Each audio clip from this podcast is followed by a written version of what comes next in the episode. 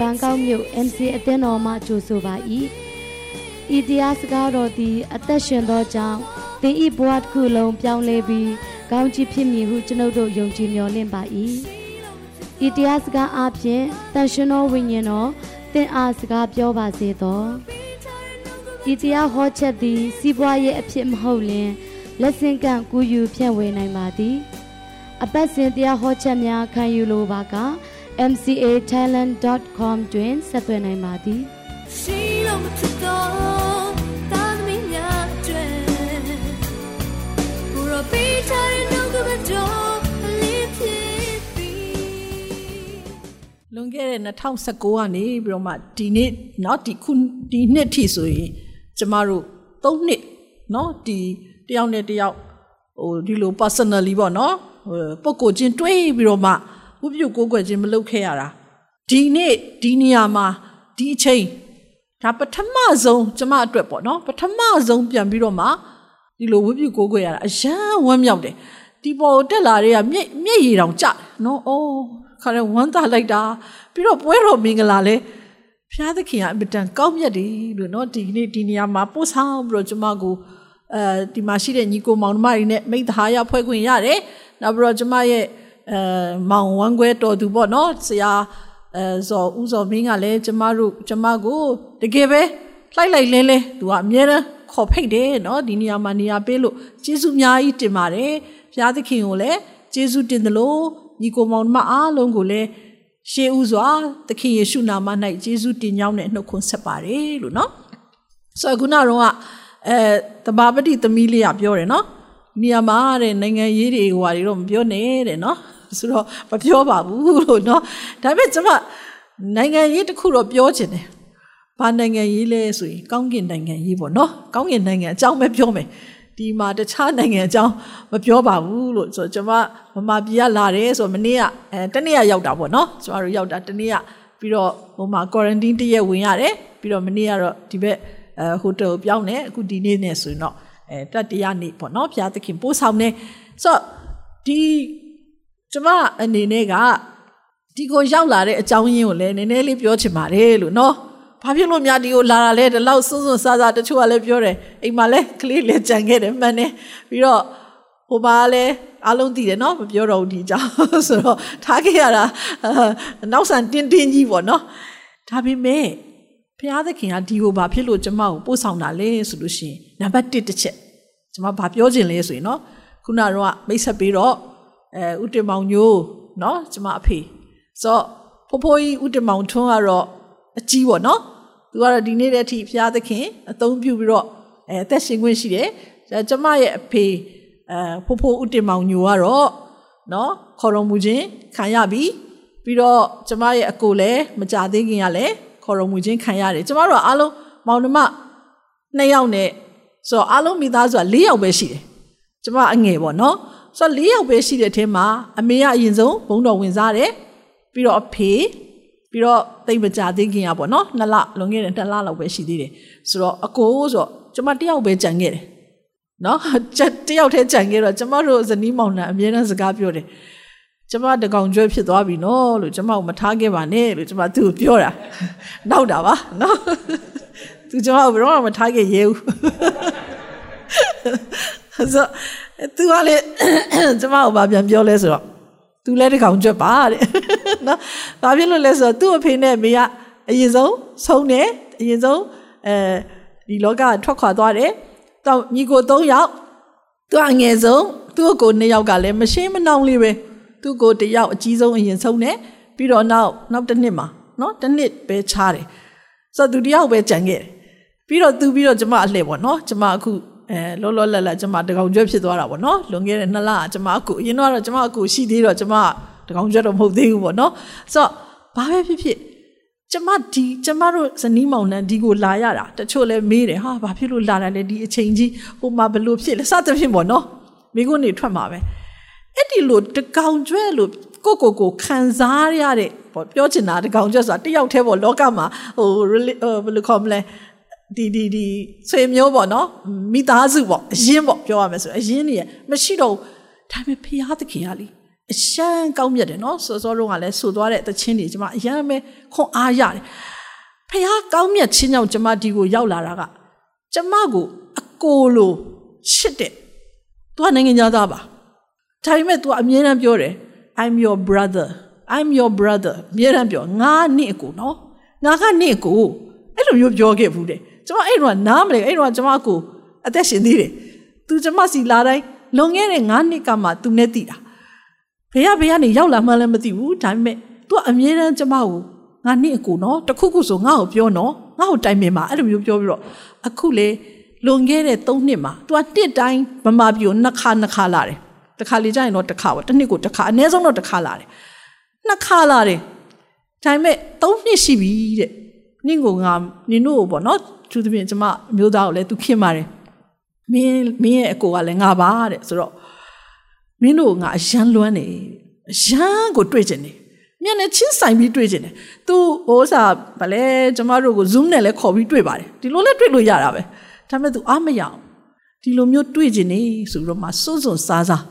तू ကလည်းဟိုအမေရိကန်နေလာမာဒီကိုအဲ့ဒါလွန်ခဲ့တဲ့နှစ်ကလေးကတစ်နှစ်ကြိုတင်ပြီးတော့မှ စီမံကိန်းချ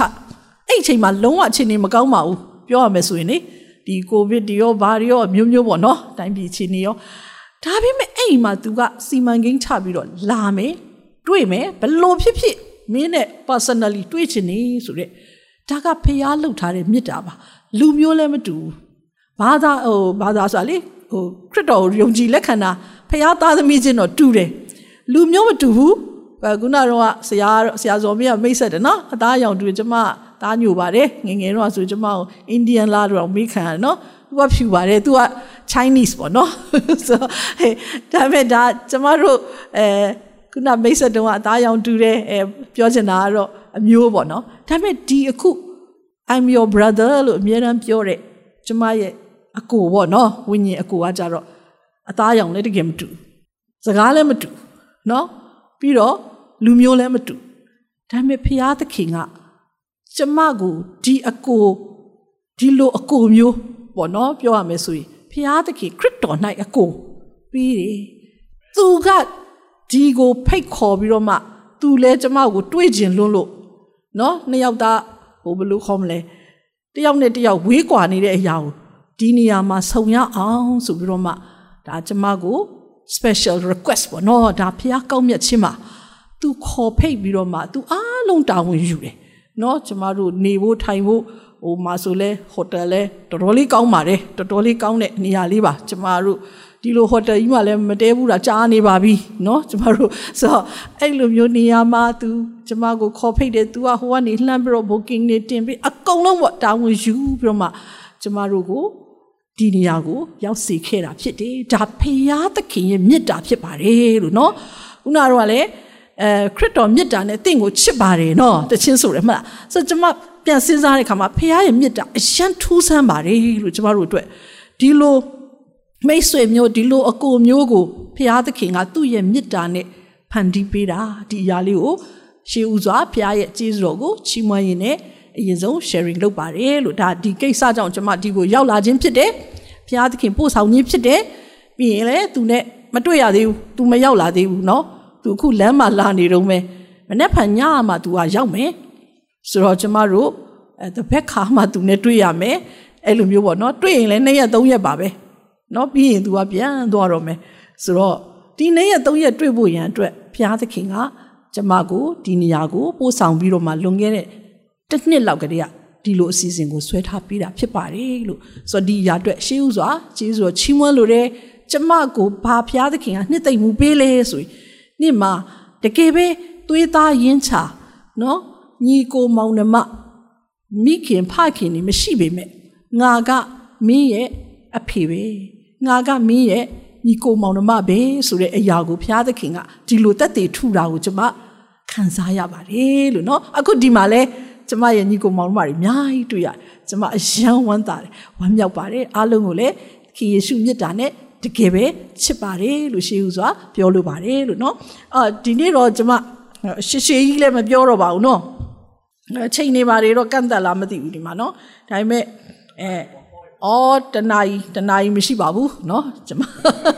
ကျမအော်ကျမကကလေးဆရာမဖြစ်တဲ့အတွက် ကလေးတွေအာယုံစိုက်နိုင်တဲ့အချိန်ကိုပဲအမြဲတမ်း limit လုပ်တယ်။နော်ဒါကြောင့်မလို့အခုတော့ဒီမှာကလေးတော့မဟုတ်ပါဘူး။နော်ဒါပေမဲ့ကလေးကိုအာကလေးရဲ့အာယုံစိုက်နိုင်တဲ့အချိန်နာရီကို limit လုပ်တယ်လို့ပဲကျမ time ကို limit လုပ်ပြီးတော့မှဒါဘာကြောင့်လဲဆိုလူကဘလောက်ပဲအရှိကြီးဟောဟောနော်ကြံခဲ့တဲ့အရာသူ့ရဲ့ time limit ပေါ့နော်သူ့ရဲ့အချိန်အကန့်အသတ်ကလေးကြားထဲမှာကြံခဲ့မဲ့အရာလေးကို focus လုပ်ပါတယ်လို့ အဲ့တော့ဒီနေ့ကျမဒီနှုတ်ကပတ်တော်မွေငှခင်မှာကျမအတွေ့အကြုံလေးအရင်ပြောပြမယ်။အော်လွန်ခဲ့တဲ့နှစ်30 35နှစ်လောက်ရှိပြီနော်။ကျမတို့ခုနမိတ်ဆက်ပေးတယ်ကျမတို့ကလေးများအေဝံဂေလိမြစ်တာရိပ်မျိုး CEF နော် Child Evangelism Fellowship အဲ့တော့အခုရှစ်မိုင်ကြီးကိုမြအသင်းတော်ရဲ့အသင်းတော်အိမ်လေးမှာကျမတို့ရုံးကလေးလုပ်တယ်။အဲ့ဒီမှာ CEF ဖြစ်စပြီးတော့ဖွင့်တာအာ Mrs. Bahan ပေါ့နော်။အန်ဒီဒေါက်တာဘာဟန်ရဲ့ဇနီး သူကဥဆောင်တယ်ကျမတို့ကအဲ့တော့ကတော့အဲအပြိုလေးတွေပေါ့နော်သွားပြီးတော့ပါဝင်နေအဲ့ဒီအချိန်မှာကျမတို့ကိုဒီလာပြီးတော့မှသင်တန်းပို့ချတယ်ဆရာမကြီးတွေရှိတယ်အဲ့ဆရာမကြီးကအင်္ဂလန်ကလာတယ်သူကရန်တိကြတယ်ရန်လဲသူကလေဟိုဘယ်လိုခေါ်မလဲအဲစီကံကြီးတယ်သူပစ္စည်းတွေဆိုလဲသူကသူများကြိုင်တာမကြိုက်ဘူးအဲ့လိုမျိုးနော်အဲ့ဆရာမကြီးကလာတဲ့ခါမှာ သူ့ဘာပေးမကင်ဘူးအဲ့တော့ကကျမတို့ဒီလိုမျိုးကင်မရာဒီလိုဖုန်းတွေပါလေဘာမှမရှိသေးဘူးကင်မရာဆိုလို့ရှိရင်လေဟို digital camera တွေပါမပေါ်သေးဘူးကင်မရာကင်နိုင်တယ်ဆိုတော့တော်ပတ်စံရှိတာတော်တထေးမှကင်နိုင်တာလေဆရာမကြီးကလာတဲ့ခါမှာသူကင်မရာကြီးနဲ့သူကလာတယ်ဟိုအဲ့သူကင်မရာကြီးကလည်းဟိုရှေ့ရှေ့တော့ကင်မရာကြီးလို့ရှေ့ကိုဆွဲထုတ်ရတယ်လေ zoom ဒီလိုလှည့်ရတယ် ground ground ground နဲ့အဲ့ဒါ तू ကအမြဲတမ်းသူကင်မရာနဲ့မှတ်တမ်းတင်တယ်ဗီဒီယိုတွေရိုက်တယ် तू ကအဲ့ဒါ तू သူကင်မရာဘယ်သူမှပေးကင် ဒါပေမဲ့တည့်ရက်ကြတော့ तू ကဟိုစားအစီအစဉ်ယူတာပေါ့နော်ဒီလိုမျိုးအချိန်ယူတော့ရီလာအောင်နဲ့ကျွန်မအခေါ်အာသူကင်မရာကြီးကိုပေးကင်ဒီကင်မရာကြီးကနော်တဲ့တေချာကင်နဲ့ရန်စည်းကြီးတယ်ဟုတ်ကဲ့ပါကျွန်မလည်းသူ့ကြောက်တယ်လေကင်မရာကြီးကလည်းစည်းကြီးတယ်လေကျွန်မလည်းမယုံနိုင်လာတဲ့တင်ပေးမယ်တဲ့ငါအစီအစဉ်ယူတဲ့အချိန်မှာဒီနေရာကိုဒီလိုလေးလှက်ပြီးရင်ဒီအပေါက်ကလေးကချောင်းကြည့်နော်ပြီးရင်အဲ့အပေါက်ကလေးထဲမှာငါပုံသေးချပေါ်ပြီးဆိုရင်ဒါလေးကိုနှိပ်လိုက် အဲသူလည်းလှုပ်နေတာကျွန်မတွေ့တာဟို creek crowd creek crowd လေးလှုပ်တာကျွန်မလည်းအေးဆေးပါဒီလောက်ကတော့ရတယ်ပေါ့နော်ကျွန်မလည်းအဲ့ဒါနဲ့ဟုတ်ကဲ့ဟုတ်ကဲ့ပေါ့ yes yes လုပ်မယ်ပေါ့နော်အဲ့ဒါနဲ့ကျွန်မသူသူရဲ့သူကင်မရာကြီးကိုကျွန်မယူယူပြီးတော့ခါတေချာတော့ကန်ရတာပေါ့နော်အဲ့ဒါကြီးနဲ့ကျွန်မလောက်ကောစလောက်ကောသူသူကရိုက်တော့ပေါ့နော်ကျွန်မမျက်လုံးနဲ့တစ်ချက်တစ်ချက်ကြည့်တော့ကျွန်မလည်းရိုက်မယ်ပေါ့တခါတဲ့လှည့်လှည့်တာကျွန်မကအဲ့ဒီကင်မရာတခါမှမကင်ဘူးတာသိလား လှည့်လှည့်လှည့်လှည့်လှည့်ဟောဟောသူမြသူခေါင်းရအကြီးဖြစ်လာလိုက်သူကိုရအကြီးဖြစ်လာလိုက်ဘလို့ဘလို့လို့လို့မရတော့ဘူးသိလားဟာနောက်ဆုံးကျွန်မလည်းမတက်နိုင်ဟာဖြစ်ချင်ရဖြစ်ကျွန်မလည်းရိုက်ဖြစ်တာပဲကောက်အဲသူကလည်းအရန်သဘောကျကျွန်မကျွန်မလည်းရိုက်တာပဲသိလားသူကလည်းဒီဘက်ကိုအာဒီဘက် post လုပ်လိုက်ဒီဘက်ကလာရိုက်အာဟာကျွန်မရိုက်တာဟာဖင်မိုင်းရကြီးလာလိုက်ခေါင်းမိုင်းရကြီးသွားလိုက် ကျွန်မလည်းမတက်နိုင်ဘူးဒါအိုးဒါသူ့သူဟိုဟာဖြစ်တာနေမှာပါကျွန်မလည်းမတက်နိုင်ဘူးလေလှဲ့လေဘလို့မလုပ်လို့မရအောင်ဒီဘက်လှဲ့လေကြီးဟိုဘက်လှဲ့လေသေးဟိုဘက်လှဲ့လေဟာဘာဒီမှမသိဘူးအဲ့နဲ့ရဲအဆင်ပြေသွားကျွန်မပြန်ပေးလိုက်ဘာမကင်တော့ကျွန်သူပြန်ပေးလိုက်သူလို့သူကသူပြန်ကြည့်သူပြန်ကြည့်မှာပေါ့နော်ပြီးတော့ကျွန်မကိုခေါ်ခေါ်တော့ညီအထဲထဲကိုချောင်းကြည့်တာအဆင်ပြေလားတဲ့လို့မျိုးပြောတော့မပြေဘူးလို့ ဒါဆိုရင်ဘာလို့ရိုက်တာလဲမသိဘူးလေတော့မရိုက်လို့ရှိရင်လည်း तू ကပေးထားတယ်ရိုက်ရမှာလေမရိုက်ရင်လည်းပြောခံအောင်မယ်ဆိုတော့အထက်မှာကြည်တော့လို့ခေါင်းကြီးကြီးလာတာတွေ့တယ်လို့ဟိုကိုလုံးကြီးကြီးလာလည်းတွေ့တယ်လို့ဒါပေမဲ့ကျမရိုက်ဆိုတော့လည်းရိုက်လိုက်တာပေါ့သူရှိတာကျမမရှိတာအဲ့ဒါကျမတို့ကြော်လေးတာစိတ်မဆိုးကျမလေး तू စိတ်ဆိုးပြီးတော့မြန်ငါ့ကိုဆိုးမလားမဆူကြော်လေးတက်ပြီးတော့ it's okay တဲ့ဟာရပါတယ်တဲ့ရပါတယ်ဘာမှဖြစ်ဘူးတဲ့နင်မဒီဥစ္စာတစ်ခါမှမကင်ဘူးလားတဲ့ဒါကားတဲ့အရင်အရေးကြီးတယ်တဲ့ဒီဒီ zoom လေးဒီလှည့်တဲ့ဟာ focus တဲ့နော်သူပြောပြသူသင်ပေးတယ်ဒါလေးက focus တဲ့အဲ့ဒီ focus ကိုတေချာချိန်တေချာချောင်းကြည့်ပြီးတော့ချိန်ပြီးတော့တခါအကုန်လုံး clear ဖြစ်ပြီဆိုမှရိုက်ရတာတဲ့ဒါမနစ်ဟိုမှငါတေချာမှမသင်ပေးတာတဲ့နော် ဒါနင့်အပြစ်မဟုတ်ပါဘူးတဲ့ကျမကိုခဏလေးပဲသူကလာလာလာဒါလုတ်ပြီးရိုက်ဆိုတော့ကျမလည်းရိုက်တာပေါ့ focus ကအောက်နေတယ်လေ focus အောင်လို့သူကခေါင်းကြီးအကြီးဖြစ်နော်ဖေမိုင်းကြီးအကြီးဖြစ်အဲ့လိုမျိုးဆိုတော့အဲ့တော့ကျမအဲ့တော့ဘာသင်ခန်းစာရလိုက်လဲဆိုရင်ဒီ focus ကအရန်အရေးကြီးတယ်ကင်မရာရိုက်တဲ့ခါလေ ဒီလားအဲ့ဒီတော့ကပေါ့နော်အဲ့ဟာပေါ့အခုတော့ရေးမကြည့်တော့ focus အခုလည်းအရေးတော့ကြီးတော့ကြီးပါတယ်ဟိုဒါပေမဲ့ကလေးတောင်လှုပ်တတ်တယ်နော်လက်နဲ့တိုးလိုက်မယ်လက်လေးနဲ့ဖြဲလိုက်အဲ့လိုမျိုးဟိုဖုန်းလေးတွေနဲ့ရိုက်တာအဆင်ပြေတယ်ဒီ focus ကအရန်အရေးကြီးတယ်ဆိုတဲ့အရာကိုကျွန်မအသက်တာမှာလေအဲ့ဒီတော့ကအဲ့အချိန်တော့ကသင်ငန်းစာရလိုက်သလိုပဲဒီကနေ့လေဒီမှာရှိတဲ့ညီကိုမောင်နှမတွေကိုလေကျမတို့ရဲ့အသက်တာ focus ပေါ့နော်ချိန် အာဒီဒီဒီ focus ဆိုတာဘယ်လိုခေါ်မလဲအဲ clear အဲဟုတ်တယ်ချိန်မှတ်ပြီးတော့ဟိုအာယုံ focus အာယုံစူးစိုက်တာเนาะဒီထဲမှာအာယုံစိုက်ပြီးတော့မှဒါဟုတ်ပြီဆိုမှသိကြပြီဆိုမှရိုက်ရမှာเนาะအဲ့ဒီလိုပဲအာယုံစိုက်မှုကအရမ်းပဲအရေးကြီးတယ်ပြီးတော့အဲ့လိုအာယုံစိုက်တဲ့အရာပေါ်မှာတဲ့ဖရာသခင်ရဲ့ဖရာသခင်ကိုကျမတို့ယုံကြည်သူဖြစ်လို့ရှိရင် focus ဖရာသခင်ပေါ်မှာ focus ထားအဲ့ဒီ focus ဖရာသခင်ပေါ်မှာ focus အောက်လို့ရှိရင်အကုန်လုံးအောက်ခုနလိုနော်ဘာမှ clear မဖြစ်တော့ဝိုးတို့ဝါတာတွေဖြစ်ကုန်ဖရာသခင်ပေါ်မှာ focus ရှိတဲ့သားသမီးတွေကဘာရလဲဆိုရင်တည်င်းစကားကိုတိတိကျကျရတယ် focus ကောင်းရင်ပုံထွက်ကောင်းတယ်ဟုတ်တယ်နော်ဒီလိုပဲကျမတို့ကဖယားပေါ်မှာအာယုံစူးစိုက်တဲ့ဖယားပေါ်မှာအာယုံထားတဲ့အရာက တိတိကျကျဖြစ်မှဖယားရဲ့တည်င်းစကားတိတိကျကျကိုရမှာဖြစ်တယ်အဲ့ဒီဖယားရဲ့တည်င်းစကားကိုတိတိကျကျရပြီဆိုလို့ရှိရင်တဲ့ဘာဖြစ်လဲဆိုရင်အဲ့ဖယားရဲ့တည်င်းစကားအဖြစ်ကိုကဖယားကိုစားဘုံတော်ထင်ရှားတယ်ဟုတ်တယ်နော်ဖယားကကိုယ့်ကိုအရှမ်းပဲသုံးပြခြင်းနဲ့ဖယားသခင်ကကိုယ့်အရှမ်းစကားပြောခြင်းနဲ့ message တွေပေးခြင်းနဲ့ဒါပေမဲ့ကိုက focus မလုပ်ဘူးခုနပြောသလို ချိန်ဖះနဲ့ကိုနဲ့ကြားမှာနော်ဒီလို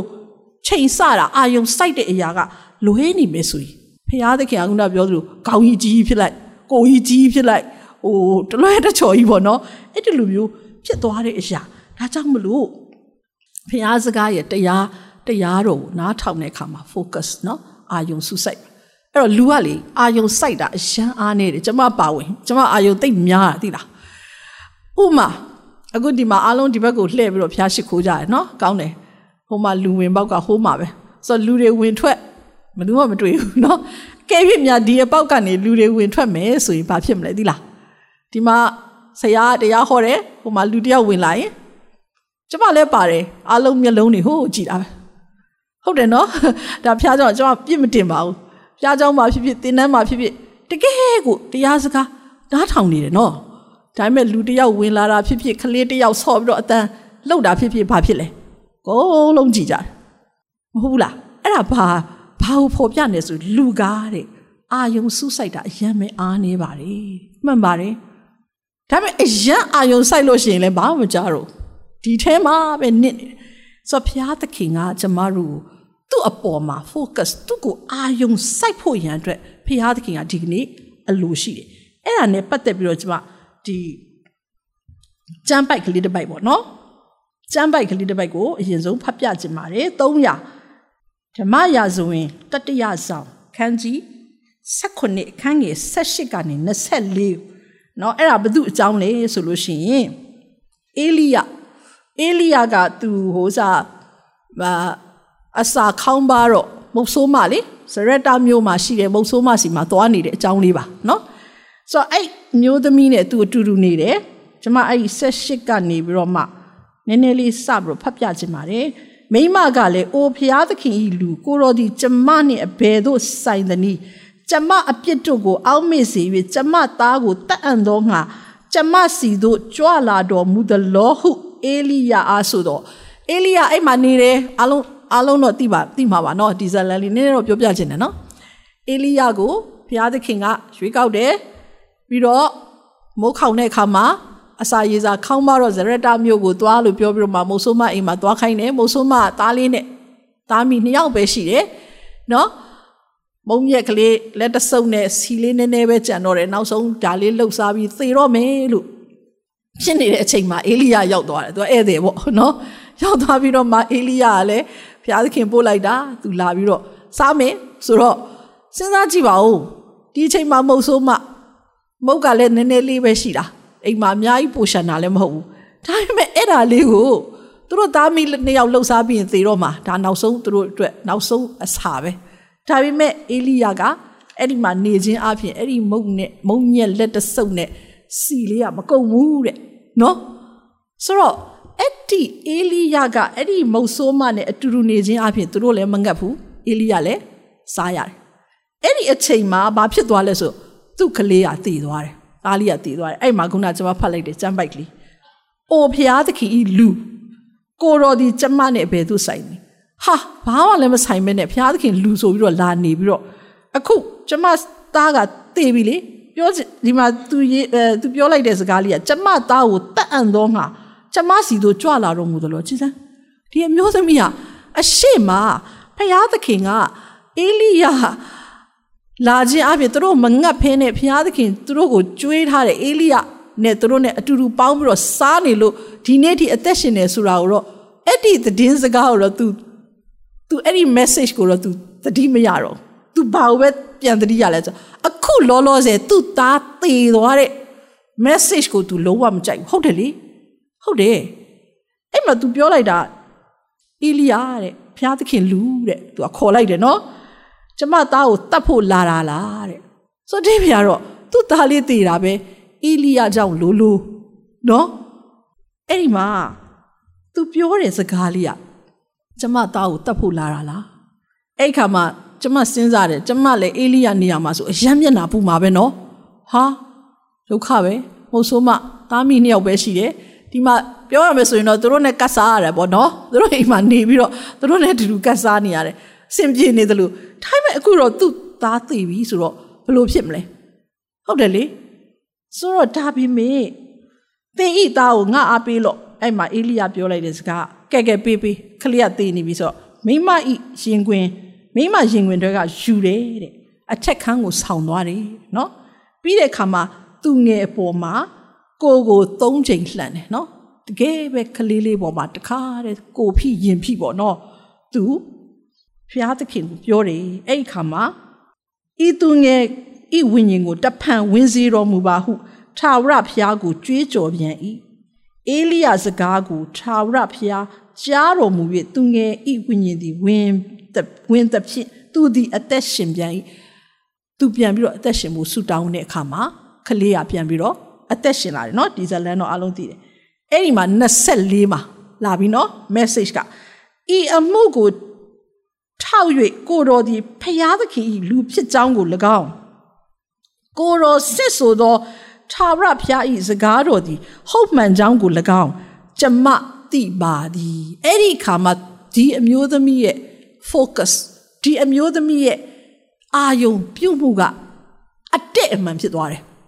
ပထမပိုင်းမှာလည်းအော်ဒီလူကထူးဆန်းတယ်ဒီလူငါတို့လာနေလို့เนาะငါတို့အတူတူစားနေရတယ်ဒီလောက်တော့သူရှိမယ်เนาะဒါပေမဲ့ သူ့သားသေပြီးမှသူ့သားပြန်ရှင်လာတဲ့အရာပေါ်မှာ तू ကဘာဖြစ်သွားလဲဟုတ်တယ်ဒါကဖယားသခင်ရဲ့လူအမှန်ဖြစ်တယ်ပြီးတော့ကိုတော်ပြောတဲ့စကားကကိုတော်ဆင့်ဆိုသောထာဝရဘုရားစကားတော်ဟုတ်မှန်နေအဲ့ဒီမှာဒီဇလန်းလေးကိုကြည့်မယ်ဆိုရင်ဒီအဖြစ်ပြက်ကိုကြည့်မယ်ဆိုရင်နော်တကယ်ကိုဘယ်လိုပြောမလဲအမှောင်ကျသွားတဲ့အချိန်မှာဖယားရဲ့သတင်းစကားကို သူကောင်းကောင်းလေးသိလိုက်တယ်အဲ့တော့အဲ့ဒါနဲ့ပတ်သက်ပြီးတော့လေကျွန်မဥပမာလေးတစ်ချက်ပြောပြခြင်းတယ်ကျွန်မတို့ရေဝေးပေါ့နော်ဒီရန်ကုန်မှာတော့ရေဝေးတင်းချိုင်းရှိတယ်အဲ့ဒီနားမှာဗျံကြတွေနေတယ်ဟိုကျူးကျော်တွေပေါ့အဲ့ဒီဗျံကြတွေထဲမှာ gospel ဧဝံဂေလိသွားသွားလှုပ်တာကလေးတွေပေါ့နော်အထူးသဖြင့်တော့ကလေးတွေမိတွေလည်းလာပါတယ်မိဘတွေလည်းလာတယ်ဒါပေမဲ့ကလေးတွေကိုအဓိကလှုပ်တဲ့ခါမှာအဲ့ဒီအချိန်မှာကလေးလေးတယောက်တော်တော်လေးဆင်းရဲတယ်သူတို့အဲ့ဒီသမီးလေးနော် ရှစ်နှစ်လောက်ပဲရှိဦးမယ်သမီးလေးကမှတ်မှန်လာတယ်ပြီးတော့သူ့အသက်တာမှာလဲသခင်ယေရှုခရစ်တော်ကသူ့ရဲ့ကယ်တင်ရှင်ဖြစ်တယ်ဆိုတာကိုစိတ်နှလုံးနဲ့ယုံကြည်တယ်နှုတ်နဲ့ဝန်ခံတယ်ပြီးရင်ကျမတို့ကဒီသူတို့ကို memory verse လေးကပ်ပြားလေးတွေဟို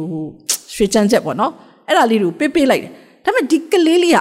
စာမဖတ်တတ်သူတို့ကကြောင်းမနေရအောင်နော်စာတော့မဖတ်တော့ဒါမှတ်မှန်ယူတယ်အဲ့အပြားလေးကိုလာလာယူတယ်သိလားအဲ့နဲ့ကျမတို့ပေးလိုက်ပါ तू မဖတ်တတ်လဲသူ့အိမ်ကလူတွေဖတ်ပါစေဆိုသူကဘာလုပ်လဲဆိုသူထယံကြားလေးမှာသူတို့ဝါးရံလေးတွေနဲ့နော်အဲ့ထယံကြားလေးမှာသူညက်ညက်ထားတယ်တဲ့အဲ့ကပြားလေးတွေကျမတို့ကများသောအားဖြင့်တော့ကယ်တင်ချင်းကြမ်းပိုက်တွေပေါ့နော်ဘုရားသခင်သားတော်ယုံကြည်သောသူပေါင်းတို့ပျက်စီးခြင်းတို့မရောက်အဲ့ဒါမျိုးတွေနောက်ဘုရားသခင်သားတော်ကိုယုံကြည်သောသူဒီထာဝရအသက်ကိုရတယ်အဲ့လိုကြမ်းပိုက်လေးတွေပေါ့နော်ကျမတို့ကပေးပေးလိုက်သမီးလေးကအရှမ်းမှန်တယ်ကြမ်းပိုက်ကိုလည်းယူယူသွားတယ်ရအောင်လဲဆိုတယ်မရရင်လည်း तू ကဒါလေးကိုယူယူသွားပြရစီတောင်းတယ် တရက်ကြတော့ဘယ်လိုဖြစ်လဲဆိုတော့တည်င်းရတယ်အဲ့သမီးလေးကတော်တော်နေမကောင်းဖြစ်နေတယ်တဲ့အလုံးဝိုင်းဆူတောင်းပေးပါကျွန်တော်လည်းဆူတောင်းပေးပါတယ်ဒီကလေးလေးကိုနော်ဝိုင်းဆူတောင်းတယ်ဝိုင်းဆူတောင်းတယ်ဒါပေမဲ့အဲ့ကလေးလေးကနောက်ဆုံးတည်င်းရတည်သွားတယ်နော်သွေးလွန်တုတ်ကွေးလာပါလားတော့မသိဘူးပေါ့နော်သူပြောချင်တာအုံနောက်အမေးပါရောက်ခေါင်းထဲမှာပိုးတစ်ခုခုဝင်သွားပြီးတော့မှသူတို့ဟိုဘယ်လိုခေါ်မလဲအာဘဟုတုတလည်းနေတယ် ပြီးတော့ဆေးုံဆေးကန်းတွေလည်းတိတ်ပြီးတော့သွားလေသွားထမရှိဘူးပေါ့နော်အိမ်မှာပဲသူတို့ကုရင်းနဲ့အဲ့ကလေးကဆုံးသွားတယ်ကျမတို့စီသတင်းလာစိတ်မကောင်းကျမတော်တော်စိတ်မကောင်းဖြစ်ဒါနဲ့အဲ့အချိန်မှာဒီကလေးလေးကခုနအေးလီယပြောလိုက်တဲ့မုတ်ဆိုးမရဲ့သားလို့တော့ပြန်မရှင်းလာပါဘူးနော်အတူပါချလိုက်တယ်ကျမတို့လည်းအဲတန်တိုင်သလောက်မေတ္တာပြတယ်စသဖြင့်ပေါ့နော်အဲ့ဒီအချိန်မှာနောက်ကျမတို့ပြန်ပြီးတော့ကလေးတွေကို တပတ်တစ်ခါစုတော့အားလုံးစုတဲ့အခါမှာသူ့အဖေနဲ့အမေကမျက်ရည်ကျပြီးတော့ရောက်လာတယ်ရောက်လာပြီးတော့သူ့အဖေရှိတယ်အမေရှိတယ်သူ့ဖေကစိုက်ကားနေတယ်ပြီးတော့သူ့အဖွားရှိသူတို့၃ယောက်အထူးသဖြင့်သူ့အဖေကရမ်းပဲဟိုစိုက်ကားသမားဆိုတော့နော်ဟိုသိတဲ့အတိုင်းပေါ့ဇရိုက်ပေါ့လူမိုက်ပေါ့ပြီးရင်လည်းသူကအတောက်အစားတွေလည်းရှိတယ်ဒါပေမဲ့သူ့ကလေးလေးတည်သွားတဲ့အရာနဲ့ပတ်သက်ပြီးတော့ ကျမတို့ဘာဘာလာပြောလဲဆိုဆရာမတို့အရင်ကျေးဇူးတင်တယ်ဟာဘာဖြစ်လို့ကျေးဇူးတင်တာလဲသူ့ကလေးတည်တာလေဟိုအေလိယလိုတော့လာပြီးတော့ကျမသားကိုတတ်တာလားလို့တော့မပြောဘူးကျေးဇူးတော်ကြောင့်နော်ကျေးဇူးတင်တယ်လို့လာပြောပြီးတော့မှဘာပြောလဲဆိုတော့ကျွန်တော်သမီးလေးရာတဲ့အသက်ထွက်ခါနီးမှာတဲ့ဘာပြောလဲဆိုရင်တဲ့အဖေနဲ့အမေတဲ့သမီးသေရင်ဘယ်သွားမလဲဆိုတာသိတယ်အဲ့ဒါကြောင့်သမီးသေသွားရင် မငိုကြနဲ့နော်သမီးသွားတဲ့နေရာကိုသွားချင်လားအဲ့ဒီသွားတဲ့နေရာကိုသွားချင်အဲ့ဆီယာမတွေနဲ့သွားတွေ့အဲ့ဒီလိုမျိုးပြောတယ်ပြောပြီးတော့မှအဲ့ဒီခေါင်းရင်းမှာထရန်ကြားမှာထိုးထားတဲ့ကပြားလေးတွေတည်းကကြမ်းပိုက်တယ်သမီးကိုဖတ်ပြကြပါလားဆိုတော့အာခလေးကလည်းနော်တကယ်နောက်ဆုံးချိန်ဖြစ်နေတာပေါ့သူတို့လည်းသိတယ်လေချိန်နေမကောင်းတော့ဆိုသူ့အဖေတွေအမေတွေစာဖတ်တတ်တဲ့သူ့အဖွားအတိုင်းခံပေါ့ဒီကျမ်းပိုက်တွေကိုဖတ်ပြတယ် ဖတ်တဲ့ခါမှာသူကလေးပြုံးပြီးတော့နားထောင်နေတယ်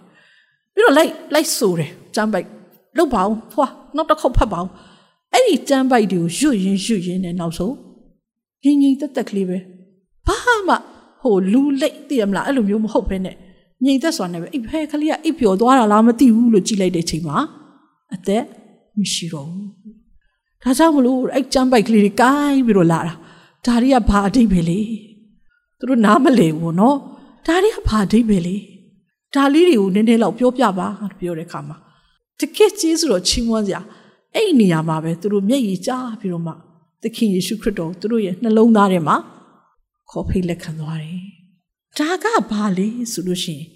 ခုနပြောတဲ့ဖျားသခင်ကလှုပ်ရက်တိုင်းလှုပ်ရက်တိုင်းမှာကျမတို့တယောက်ချင်းစီတိုင်းရဲ့အသက်တာတိုင်းမှာတခုခုပြောခြင်းတဲ့သတင်းစကားအတွက်ကိုတယောက်နဲ့တယောက်မတူတဲ့ အာယုံပြုတ်မှုမတူတဲ့ message ကိုထည့်ပေးတာဖြစ်တယ်ဆိုတာနားလေရတယ်။ဘသူကတော့ဒီကလေးလေးကိုသိစေချင်ပါလေ။ကျမတို့လည်းအရန်နှမျောပါတယ်။သူ့မိဘတွေလည်းအရန်ကြေကွဲပါတယ်။ဒါပေမဲ့ဒီအထဲထဲမှာဖရာသခင်ပေးတဲ့ message ကသူတို့အတွက်တကယ်ကောင်းတဲ့သတင်းကောင်းပဲ။ဒီဖရာကစစ်မှန်တဲ့ဖရာ။နောင်ထာဝရတမလွန်အတွက်အာမခံချက်ပေးတဲ့ဖရာဆိုတာဒီကလေးလေးကသူ့ခမရတော့ တက်တည်မခံတတ်ပါဘူးခလေးဆိုတော့နော်ဒီလောက်ပဲရတယ်ဒါပေမဲ့တရားဟောသွားတယ်ဒီခလေးလေးတယောက်ရဲ့ဝိညာဉ်ဝိညာဉ်ကတော့မဆုံးရှုံးပါဘူးသူ့ရဲ့ခန္ဓာဆုံးရှုံးလိုက်တဲ့အရာပေါ်မှာဖရာသခင်ကမိသားစုကိုကယ်တင်ခြင်းပေးဖို့ရန်အတွက် message ဖြစ်တယ်ဆိုတာကျွန်မနားလေရတယ်နောက်တစ်ယောက်နောက်တစ်ယောက်ကခုနပြောတဲ့ပူပူနွေးနွေးပေါ့နော်ကျမအကူခေါ်တော်မူခြင်းခံရအားလုံးလဲစိတ်မကောင်းဖြစ်တယ်ကျမဆိုတော်တော်လေးကို shock ရမထင်ကိုကိုကိုလည်းအရမ်းမဲ့အိုးဟိုဘယ်လိုခေါ်မလဲဆုံးရှုံးဒီဒီ အကိုတယောက်ရဲ့နော်ဟိုဒီလောကကနေခွဲခွာလိုက်ရတာပါဆုံးရှုံးတာတော့မဟုတ်ဘူးเนาะအဲ့ဒီခွဲခွာလိုက်ရတဲ့ feeling ပေါ့เนาะဒီအရာကိုတော်တော်လေးခံစားရပါတယ်ဒါပေမဲ့ဘုရားသခင်ကိုကျွန်မကျေးဇူးတင်တယ်နားမလည်ဘူးဒါပေမဲ့ဘာဖြစ်တာလဲအကိုက65ပေါ့เนาะကျွန်မနဲ့3နှစ်ပဲกว่า 65ပဲရှိသေးတယ်သူအဲ့လိုမျိုးဖြစ်သွားတဲ့အချိန်မှာကျွန်မနားမလဲအသက်လဲဘလို့အသက်ရွယ်ရဆိုလဲဟိုမသေးသင့်သေးဘူးပေါ့နော်ပြောရမယ်ဆိုရင်တော့ဘလို့ဖြစ်လို့ကိုရောကျမအကိုဒီလိုမျိုးဖြစ်ရတာလေပြီးတော့ကြီးကြီးကျယ်ကျယ်ဟိုအရန်ကြီးတည်ရမလားသူ့မှာယောဂါတွေအဲ့လိုမျိုးဟိုဟိုနောက်ဆုံးဆရာဝန်ကလက်လျှော့တယ်အဲ့လိုမျိုးလည်းမရှိပဲနဲ့ဘုံစားကြီးဆိုတော့နော်ဝန်ခံဖို့အရန်ခက်တယ် ဒါပေမဲ့ဖရာသခင်ကလीအဲ့ဒီကျမအကိုကိုခေါ်သွားလိုက်တဲ့ဖရာသခင်ရုပ်သိမ်းသွားလိုက်တဲ့အရာပေါ်မှာ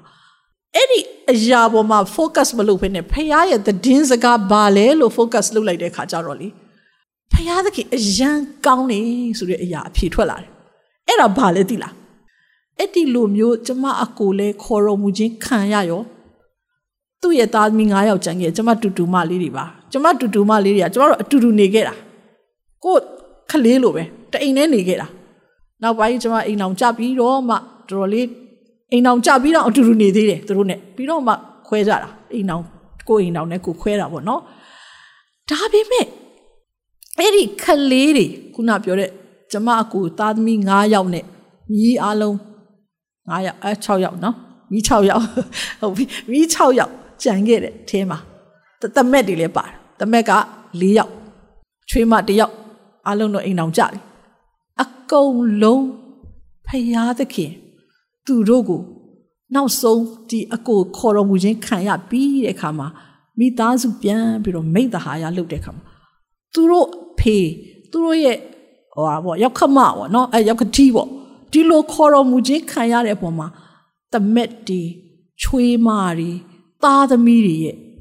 ဖယားသခင်သူတို့ကိုပြောတဲ့ message ကိုကောင်းကောင်းရပြီးတော့မှအဲ့ဒီမှာသူတို့အမှားတွေဝန်ချတာတွေတွေ့ခဲ့ရတယ်တွေ့ရတယ်ကျမကိုယ်တိုင်သွားပြီးတော့မှသူတို့နဲ့ counseling တွေလုပ်ရတယ်ပြီးတော့သူတို့ပြောင်းလဲသွားပြောင်းမြန်နေဖြစ်ကုန်တာနော်အရင်တော့ဟိုဟိုဘယ်လိုခေါ်မလဲရိုးရိုးတာမန်ခရိယန်တွေလိုမျိုးနေတဲ့အနေအထားကနေဟာတခါတည်းသူတို့ရဲ့အသက်တာတွေကပြောင်းလဲသွားတာထူးခြားမှုကိုတွေ့ရတယ် ပြောတဲ့စကားတွေအစားပြောင်းလဲသွားတယ်အဲ့ဒီအချိန်မှာကျွန်မဘာခံစားလိုက်ရလဲဆိုအိုးနောက်ပြီးတော့သူတို့မျက်ရည်နဲ့တက်တည်ခံတယ်သူတို့အဖေကိုဘုရားသခင်ခေါ်သွားလိုက်တာလောကမှာတော့ဆုံးရှုံးရတဲ့နော်ဒီကြေကွဲမှုတော့ရှိပြီမေတဲ့အယံကောင်းတဲ့ဘုရားရဲ့တည်င်းစကားကိုသူတို့ရလိုက်တယ်ဒါကဘသူမှမသိဘူးသူတို့ပဲသူတို့ကိုယ်တိုင်ပဲသိတယ်ဆိုရင်ဝန်ခံချက်တွေကိုကြားရတဲ့အခါမှာကျမအယံပဲ ဝမ်းမြောက်ပါလေလို့เนาะဆိုတော့ဒါကြောင့်မလို့ကျမတို့အသက်တာမှာအခုဆိုရင်ကျမတို့เนาะခုနလဲဆူတောင်းပေးတယ်ကျေးဇူးရမ်းတင်တယ်เนาะတိုင်းပြည်အတွက်ဆူတောင်းပေးတယ်ပြီးရင်ကျမတို့ကဒီတိုင်းပြည်ရဲ့အခြေအနေရောပြီးတော့ယောဂအခြေအနေတွေရောကျမတို့မှာရှိကြတယ်เนาะဆိုတော့ဒီတိုင်းပြည်တွေဒီဒီယောဂအခြေအနေတွေခုဆိုလဲဒီမှာလဲရှိတယ်เนาะယောဂကြောင့်တချို့လဲအာပြုံးစားကြီးเนาะအာဆုံးသွားကြတယ်ပျောက်သွားကြတယ်เนาะနင်းမြင်ညပျောက်လို့ဖြစ်နေတယ် ဒါပေမဲ့အဲ့ဒီအရာကအယံကောင်းတဲ့သတင်းစကားဖြစ်တယ်ဆိုတော့ကျွန်တော်တို့နားလေရတယ်အယံကောင်းတဲ့သတင်းစကားအဲ့ခါမှာလူများတွေကပြောမှာပေါ့နော်ဘာကောင်းတာလဲနင်တို့မသိလို့လားနင်တို့ကမသိတော့ကောင်းတယ်ပြောတာပေါ့သိသွားတဲ့သိသွားတဲ့လူတွေကြတော့ဘလို့ကောင်းတယ်လို့ဝန်ခံရမလဲစသဖြင့်ပေါ့နော်အဲ့တော့အဲ့ဒါနဲ့ပတ်သက်ပြီးတော့ကျမကိုဘုရားသခင်ကဘာပြောလဲဆိုတော့နော်ကျမတို့ဒီလောကမှာ အသက်ရှင်တဲ့ခါမှာတဲ့အမှောင်တုနော်လောကဆိုတာအမှောင်ပေါ့နော်ပြောချင်တာအမှောင်လောကထဲမှာအသက်ရှင်ရတယ်။ဘာကြောင့်လဲဆိုတော့ဖះကိုမသိတဲ့ဒီအမှောင်လောကသခင်ယေရှုခရစ်တော်ကိုတော်တိုင်ဒီလောကကိုဆင်းလာတော့တုန်းကလည်းဒီလိုပဲနော်ဖြတ်တန်းခဲ့ရတာ။ဆိုတော့ဒီအမှောင်လောကကတဲ့ဘာနဲ့တူလဲဆိုရင်တဲ့ကျမတို့ရုပ်ရှင်ယုံထဲမှာရုပ်ရှင်ကြည့်ဘူးတယ်နော်။ရုပ်ရှင်ကြည့်လို့ရှိရင်တဲ့ဆရာတယောက်ကကျမကိုအဲ့ ဥပမာလေးပြောတာကျမအရန်သဘောကျရုပ်ရှင်ကြည့်ရင်တဲ့ဘာလုပ်လိုက်လဲရုပ်ရှင်ပြတော့မယ်ဆိုရင်အကုန်လုံးတယုံလုံးကိုအမောင်ချလိုက်တယ်တဲ့အဲ့ဒီအမောင်ချလိုက်တယ်ဆိုရင်အတိတ်ကဘာလဲအားလုံးကရုပ်ရှင်ပိတ်ကားကိုကြည့်ပြီးတော့မှစိတ်လှုပ်ရှားစွာနဲ့အာပိတ်ကားပေါ်မှာဘလို့ဇလန်းတွေဘလို့ message သတင်းစကားတွေလာမလဲဆိုတာလူတိုင်းကအကုန်လုံးပိတ်ကားကိုပဲကြည့်တယ်မလားမှောင်ချလိုက်တော့မှဟဲမှောင်သွားပြီဘလို့လုပ်မလဲဘေးမှာ တခိုးလာများဓမြလာများဘလူးမှမကြည့်ပါဘူးဘေးကိုနော်အားလုံးကဘယ်ကိုပဲကြည့်လဲပိတ်ကားကိုပဲကြည့်တယ်အဲ့ခါမှာအိုးစိတ်လှုပ်ရှားစရာကောင်းတဲ့ဇလန်အမတန်အကြည်နူးစရာကောင်းတဲ့အခန်းစသဖြင့်ပေါ့နော်ခံစားလို့ကောင်းတယ်ဟုတ်တယ်မလားဒီလိုပဲကျွန်တော်ကျမတို့ရောက်စီတိုင်းရလဲအမောင်လောကဒီလိုမျိုးအမှောင်ကျသွားတဲ့အချိန်တွေတယောက်ချင်းစီတိုင်းမှာတယောက်နဲ့တယောက်မတူဘူးနော်အမှောင်ကျသွားတယ်ဆိုတာခုနလိုဆုံရှုံလိုက်ရတာတို့ဝမ်းနေသွားတာတို့ ကြေကွဲသွားတာတို့အဲ့ဒီဟာအမှောင်ချလိုက်တဲ့ဟာကအဲ့ဒီအမှောင်ကိုအာယုံဆိုင်ဖို့မဟုတ်ဘူးဘာကိုအာယုံဆိုင်ဖို့လဲဆိုရင်ဖယားသခင်ဖယားသခင်ရဲ့တည်င်းစကားနဲ့ဖယားသခင်ဒီထဲမှာငါ့ကိုဘာ message ပေးမလဲဆိုတဲ့အရာကိုအာယုံစိုက်ဖို့ဖြစ်ပါတယ်နော်ဒီကနေ့ဒီမှာရှိရဲ့ညီကိုမောင်မတွေဒါကြောင့်မလို့ကျမတို့ကနော်ဒီ focus ခုနပြောတဲ့ချိန်ချိန်သီးပေါ့အာယုံပေါ့ နော်တကယ်ကိုကြည်လင်ပြတ်သားတဲ့ focus ကိုရဖို့ရန်အတွက်တည်င်းစကားဖယားသခင်ကအဲ့တည်င်းစကားအဲ့ဒီအာယုံစိုက်ရမယ်နော်နေရဘယ်ဟာလဲဘသူလဲဖရာသခင်ကိုပဲအာယုံစိုက်ရမှာဖြစ်တယ်အဲ့ဒါနဲ့ပတ်သက်ပြီးအဲကျွန်မဒီဟေရှာယအခန်းကြီး53အခန်းငယ်9ကနေ9ကိုတစ်ချက်လောက်ဖတ်ပြချင်ပါတယ်လို့เนาะကျွန်တော်တို့ဒီကနေ့ဒီ လောကတိုင်းပြည်အခြေအနေစသဖြင့်ပေါ့နော်ယောဂဒီလိုမျိုးဖြစ်နေတဲ့အချိန်မှာကျမတို့ကိုပေးခြင်းနဲ့ဘုရားသခင်ရဲ့ message ကဘာလဲဆိုတာဒီဒီထဲမှာရှိတယ်နော်ဟေရှာယအခန်းကြီး53ခန်းငယ်9ကနေပြီးတော့9ထိဖတ်ပြခြင်းပါတယ်မစိုးရိမ်နဲ့ငါသည်သင်နှင့်အတူရှိအရှိမျက်နာမှသင်၏အမျိုးအနွယ်ကိုငါဆောင်ခဲ့မည်အနောက်မျက်နာမှသင်ကိုဆုသိမ်းမည်အလောဟုမြောက်မျက်နာကို၎င်း မထိန်မဝက်နှင့်ဟုမထိန်နှင့်ဟုတောင်မျက်နာကို၎င်းငါပြောမည်ဝေးသောအရက်မြေကြီးစွန်းမှငါသားသမီးဒီဟုသောငါနာမဖြင့်သမုတ်သောသူငါဤဘုံအတည်ကိုဖို့ငါဖန်ဆင်းပြုပြင်၍ဧကန်စင်စစ်လုပ်ပြီးသောသူအပေါင်းတို့ကိုဆောင်ခဲ့လောဟုငါပြောမည်ဒီကျမ်းပိုက်ရဲ့အဓိပ္ပာယ်လေးကတော့ရှေ့အနောက်တောင်မြောက်မှာရှိတဲ့အမျိုးအနွယ်စုတွေကိုစုသိမ်းရမယ်တဲ့ ဒါဒါအချုပ်ကလေးပြောလိုက်မယ်ဆိုရင်နော်အဲ့ဒါဘာကိုပြောတာလဲဆိုရင်ကျမတို့ဒီကနေ့ဒီလောကအမှောင်လောကထဲမှာကျမတို့အသက်ရှင်ခိုင်းတာဘာအဓိပ္ပာယ်လဲကျမတို့ရဲ့ focus ကဘယ်ကိုချိန်သီးရကျမတို့ဘယ်ကိုချိန်ရမလဲဆိုရင်အရှိအနောက်တောင်မြောက်အရရမှာရှိတဲ့အမျိုးအနွယ်စုကိုစုသိမ်းနေဆိုတဲ့အဓိပ္ပာယ်ဝိညာဉ်ကြီးကိုရိတ်သိမ်းမှုဖြစ်တယ်အခုကျမအရန်ခွန်အားရတာတခုရှိထားတယ်ဒီအထူးသဖြင့် အဲကျမရဲ့ဒီမောင်ပေါ့နော်အများတန်းကျမကိုသတင်းလေးပို့တယ် MCA เนาะဒီဒီ Thailand ပေါ့ဒီအဖွဲ့ကနေပြီးတော့မှရိတ်သိမ်းပွဲတော့ရမ်းကြိုက်တယ်အဲ့အဲ့စကားလေးလည်းကြိုက်တယ်ရိတ်သိမ်းပွဲတော့ဘာရိတ်သိမ်းပွဲတော့လဲဝိညာဉ်တွေကိုရိတ်သိမ်းတဲ့ပွဲတော့ကျမလည်းအဲ့ဒီအချိန်ရောက်ပြီဆိုအရှမ်းစိတ်လှုပ်ရှားတယ်ဒီနှစ်ဘယ်နှယောက်ရှိတ်မလဲမသိဒီနှစ်ဘယ်နှယောက်ဘယ်ဝိညာဉ်ဘယ်နှလုံးရမလဲမသိဘူးဆိုတကယ်စိတ်လှုပ်ရှားတယ် ပြီးတော့ဆူတောင်းတယ်ကျမတို့ဇနီးမောင်နှံနှစ်ယောက်ဆူတောင်းတယ်ကျမတယောက်တည်း personal prayer မှာလည်းဆူတောင်းပေးတယ်ပြီးရင်လည်းဟို live တွေလေကြည်တယ်ဗီဒီယိုလေးတွေသူပို့ပေးတာလေးလေးကြည့်ပြီးတော့ဟိုးအများကြီးပဲပြီးရင်နှစ်ချင်းခန္ဓာတွေကြည့်ပြီးတော့တကယ်ရောင်းဝမ်းမြောက်တယ်ဒီရိတ်သိမ်းပွဲတော်ကစိတ်လှုပ်ရှားရှားစရာအယံကောင်းတယ်အားရစရာလည်းအယံကောင်းတယ်အဲ့တော့ဒီနေ့ဒီလောကမှာကျမတို့ကိုဘုရားသခင်ကထားပြီးတော့မှ ဒီအမှောင်လောကတွေမှာဘုရားသခင်ကကျမတို့ကိုပိတ်ကားပေါ်မှာမျက်ဝါးထင်ထင်ကြည့်ခိုင်းတာပါလေတိလားဝိညာဉ်တွေကိုရိတ်သိမ်းဖို့ကျမတို့ကအဲ့ဒီဟာကိုပဲ focus လုပ်ဖို့အာဟိုကဘာဖြစ်ပြန်ပြီဟိုဟိုလူဘာဖြစ်ပြန်ပြီဟိုဟိုမှာမတရားမှုတွေနဲ့အာအဲ့ဒါတွေကိုသွားကြည့်နေလို့ရှိရင်ခုနပြောသလိုဖေခေါင်းကြီးကကြီးလာလိုက်ဖေးကကြီးလာလိုက်အဲ့ဒီလိုမျိုး focus ပဲဖြစ်သွားလိမ့်မယ်ကျမတို့ရဲ့ focus ကဖယားသခင်ကကျမတို့ကိုဒီလောကမှာအသက်ရှင်ခိုင်းတာ ဖះသားသမီးတယောက်အနေနဲ့ကိုဘာလုပ်ရမလဲကိုရဲ့ဘဝအတ္တတာမှာအမှောင်တုကျသွားတာခုနလိုနော်ပြဿနာအခက်ခဲတွေဖြစ်လာတာဒီအရာတွေပေါ်မှာအာယုံစိုက်ဖို့မဟုတ်ဘူးကျမတို့ရဲ့အာယုံစိုက်မှုဟာဖះရဲ့တည်င်းစကားပေါ်မှာအာယုံစိုက်ဖို့ဖြစ်ပါတယ်လို့နော်အဲ့တော့ဖះရဲ့တည်င်းစကားပေါ်မှာအာယုံစိုက်တဲ့အရာနဲ့ပတ်သက်ပြီးတော့နော်ကျမဒီပါရှိတဲ့ခုနပြောတဲ့နော်ရိတ်သိမ်းပွဲတော်ကတော့ဒီလိုလှုပ်လို့ရတယ် ကျမတို့အနေအထားနဲ့ကျမတို့ရှိတဲ့နေရာမှာတော့လှုပ်လို့မရလှုပ်လို့မရခုတည်းထိလည်းမရသေးနော်ဒါပေမဲ့လေဒီကိုဗစ်ကာလနဲ့ဒီကာလပေါ့နော်ပြောရမယ်ဆိုရင်ဖယားသခင်ကလေကျမတို့ရှိတဲ့နေရာမှာလဲသူ့ရိတ်သိမ်းပွဲတော်လုပ်ပေးတယ်တကယ်အံ့ဩစရာကောင်းတယ်အဲ့ဒါနဲ့ပတ်သက်ပြီးကျမနည်းနည်းလေးသက်သေခံခြင်းနဲ့နော်ကျမတို့တိုင်းပြည်မှာအခုလူပေါင်းများစွာကလေဖယားကိုရှာတယ် စစ်မှန်တဲ့ဖယားကိုတကယ်ရှာတာဘာကြောင့်လဲဆိုတော့သူတို့လောကမှာခုနပြောသူအမှောင်ကျနေပြီဟိုဘက်ဘေးကိုကြည့်ရင်လည်းမှောင်တယ်ဒီဘက်ဘေးကိုကြည့်ရင်လည်းမှောင်တယ်ဘယ်ကိုမှကြည့်လို့မရတဲ့ခါကျတော့နောက်ဆုံးဖယားရဲ့အလင်းလေးကိုသူတို့ကမြင်ချင်တယ်မြင်ချင်တဲ့အတွက်အယမ်းမြည်ဆန်အယမ်းကိုစာငတ်နေတဲ့ဟိုလေပြင်းမှာဝင်းမဲ့နေတဲ့စပားတွေလိုပဲထိလိုက်တာနဲ့ကြွေထိလိုက်တာနဲ့ကြွေမဲ့အဲ့ဒီလိုမျိုးအနေအထားနဲ့ကိုလာတဲ့သူတွေအများကြီးဆိုတာတွေ့ရတယ် ကျမတို့လူချင်းမတွေ့ရပြီမဲ့ Zoom နဲ့လုပ်တယ် Messenger call တွေနဲ့လုပ်တယ်ဒီလိုမျိုးလုပ်တဲ့အခါမှာအများကြီးပဲပြောင်းလဲတယ်ဆိုတာတွေ့ရတယ်ဟာလေလုယာတကယ်ဖျားသခင်လုပ်တာဖြစ်တယ်အဲ့ဒါအဲ့တော့အဲ့ဒါနဲ့ပတ်သက်ပြီးကျမဒါကျမရဲ့ personally နည်းနည်းသက်သေခံရင်နော်ပထမဆုံးတနေ့ဒီဒီကိုဗစ်စဖြစ်တဲ့နှစ်ကျမကလေးတွေဆန်နဆူကလေးတွေလည်းမတင်ရတော့ဘူးကျမတို့က GNC လို့ခေါ်တယ် Good News Club ပေါ့နော်ဟိုအပြင်မှာထွက်ပြီးတော့ ကလေးတွေကိုလေခုနလိုမျိုးရက်ွက်တွေထဲမှာလိုက်တင်တာအဲအဲ့ဒါတွေလည်းမလုပ်ရတော့ဘူးအကုန်လုံးဘယ်လိုပြောမလဲပိတ်ဟိုတင်းပိတ်ထားတာပေါ့နော်ပြောရမယ်ဆိုရင်တော့အိမ်မှာပဲနေရတဲ့အနေထားအဲ့လိုမျိုးဖြစ်သွားတဲ့အချိန်မှာ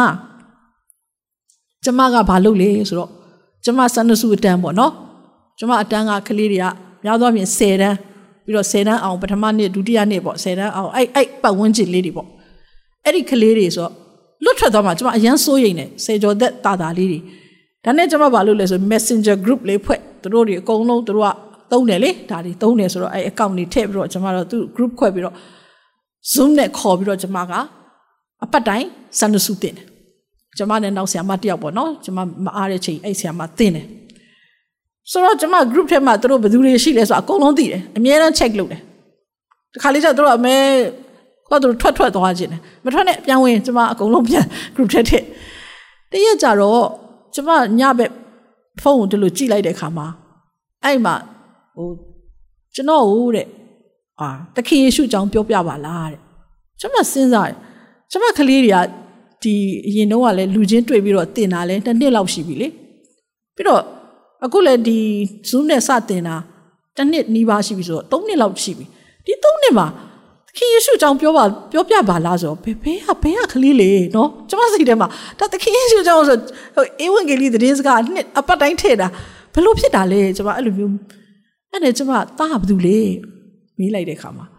သူကမဖြေတော့ဘူးအဲ့ကလေးကမဖြေတော့ဘဲနဲ့နောက်တစ်ယောက်ကဝင်ဖြေတယ်ဆရာမတီချာတဲ့ तू ကလူသစ်ပါတဲ့တမိခေါ်လာတာတဲ့အဲ့နဲ့ဟာဒါနဲ့အော်ဟုတ်ပြီသူ့နာမည်ကလည်းခက်ဆန်းဆန်းကြီး ဟိုသူတို့ကသိတယ်မလားဟို Facebook name နေဆိုတော့သူတို့နာမည်အမှန်နေမဟုတ်တမျိုးကြီးနာမည်ကြီးอ่ะအဲ့ဒါဗမာဟုတ်ရလားဘယ်ရလဲပေါ့နော်နာမည်ကြီးကဆန်းဆန်းကြီးဒါပေမဲ့ကျွန်မကိစ္စမရှိဘူးမင်းကမြန်မာလူပေါ့နော်နားလည်လားဆိုဟုတ်ကဲ့နားလည်ပါတယ်စာနဲ့ပဲရိုက်ရစာနဲ့ရိုက်ရင်ရိုက်ရင်နဲ့နောက်ဆုံးကျတော့ကျွန်မသူ့ကိုဧဝံဂေလိသတင်းစကားကောင်းကောင်းပြောတယ်နော်သခင်ယေရှုနောက်သူ့ကိုသူပြောတယ်တာဟိုစားသခင်ယေရှုအကြောင်းတစ်ခါမှမကြားဘူးပါဘူးတဲ့ ဒါကြောင့်မလို့ခုကြားချင်လို့ဒီ group ထဲကိုဝင်လာတာဒီတငယ်ချင်းကခေါ်လာလို့ပါတဲ့ဆိုအဲ့နဲ့ကျွန်မအဲ့ group ထဲမှာပဲစာနဲ့ပဲသူဧဝံဂေလိလုပ်တယ်နော်သခင်ယေရှုမင်းကိုမင်းအတွက်အသေးခံတယ်သုံးရက်နေမှရှင်ပြန်ထမြောက်တယ်ဖန်ဆင်းရှင်ဖြစ်တယ်ဘုရားသခင်ဆိုတာရှိရစသဖြင့်ပေါ့နော်ကြံပိုက်တွေနဲ့ထဲထဲထဲထဲပြောတော့သူကနောက်ဆုံးနောက်ဆုံးပိုက်ပိတ်အပိတ်လေးရောက်နေပြီအဲ့ဒီအချိန်မှာကျွန်မကဲမင်းနားလေလားဘာတွေမေးချင်သေးလဲဟုတ်ကဲ့ ကျွန်တော်နားလေပါပြီဒါဆိုရင်မြစ်သခင်ယေရှုကိုကဲတင်ပိုင်ရှင်ဖြစ်စိတ်နှလုံးနဲ့ယုံကြည်ပြီးတော့နှုတ်နဲ့ဝန်ခံမလားလို့ကျွန်မအဲ့ဗျာဒိတ်320လေးနော်ငါဒီတကားရှိမှရက်ပြီးတော့ခောက်နေတယ်ဆိုတော့အဲ့ကြမ်းပိုက်ကလေးနဲ့ထဲ့ပြီးတော့ပြောလိုက်တဲ့ခါမှာပြောလို့ပြောလိုက်ကောအဲ့ကလေးကမရှိတော့ပျောက်သွားဆင်းသွားသူမီးလေးကစိမ့်နေရတယ်ပိတ်သွားဟာဒါနဲ့ကျမကလည်းလက်မလျှော့ဘူးသူသူ့တခါတည်းဟိုမြင့်သခင်ယေရှုကိုခေါ်ဖိတ်လက်ခံခြင်းဒီလိုမျိုးလက်ခံလို့ရတယ်ဆိုကျမအောက်ကနေနော် ခင်ယေရှုသားဖြစ်သားဖြစ်ပါတယ် เนาะဒီချိန်မှာသားအတွက်သခင်ယေရှုအသေးခံပေးတဲ့အရာအတွက်ယေရှုတင်တယ်ပြီးတော့သခင်ယေရှုကအသက်ရှင်တဲ့ဖခင်သားနှလုံးသားထဲမှာသခင်ယေရှုကိုဒီနေ့ကစပြီးတော့ယုံကြည်လက်ခံပါတယ်အပြစ်တွေလွတ်ပေးပါသားရဲ့နှလုံးသားတွေကိုခုဝင်လာပါလို့ဆိုပြီးတော့ကျွန်မအဲ့ဆူတောင်းချက်ကလေးကိုရှိုက်ပြီးတော့ခင်ယေရှုနာမ၌အာမင်ဆိုတော့ကျွန်မလွတ်ထည့်ပေးလိုက်တယ်သူလည်းမရှိတော့ ဒါနဲ့ကျမဆူတောင်းပြီးတော့ကျမရဲ့အဖွဲ့ရှိတယ်လေကျမရဲ့ဟိုစီးရဲ့အဖွဲ့ကိုကျမပြောလိုက်တယ်ဒီကလေးတယောက်ကိုတော့အေဝံဂေလိသတင်းစကားပြောပြီးပြီဒါပေမဲ့ခေါ်ဖိတ်လက်ခံတဲ့အပိုင်းကြမှာစာတန်ကနှောက်ရှက်တယ် तू မလက်လက်ခံမလားဟုတ်ဟုတ်ကဲ့ပဲပြောပြီးတော့ပျောက်သွားပြီလို့ဒါကြောင့်မလို့ဆူတောင်းပေးပါလို့ဒီကလေးတကယ်ပဲကဲဒီညင်းရဘူးဆိုကျမအဲ့လိုပဲပြောလိုက်တယ်အဲ့နဲ့ညလည်းအရင်ညစ်နေတော့ကျမအိတ်မနေ့ကျတော့ သူပြန်စိမ့်နေမီးပြန်စိမ့်တော့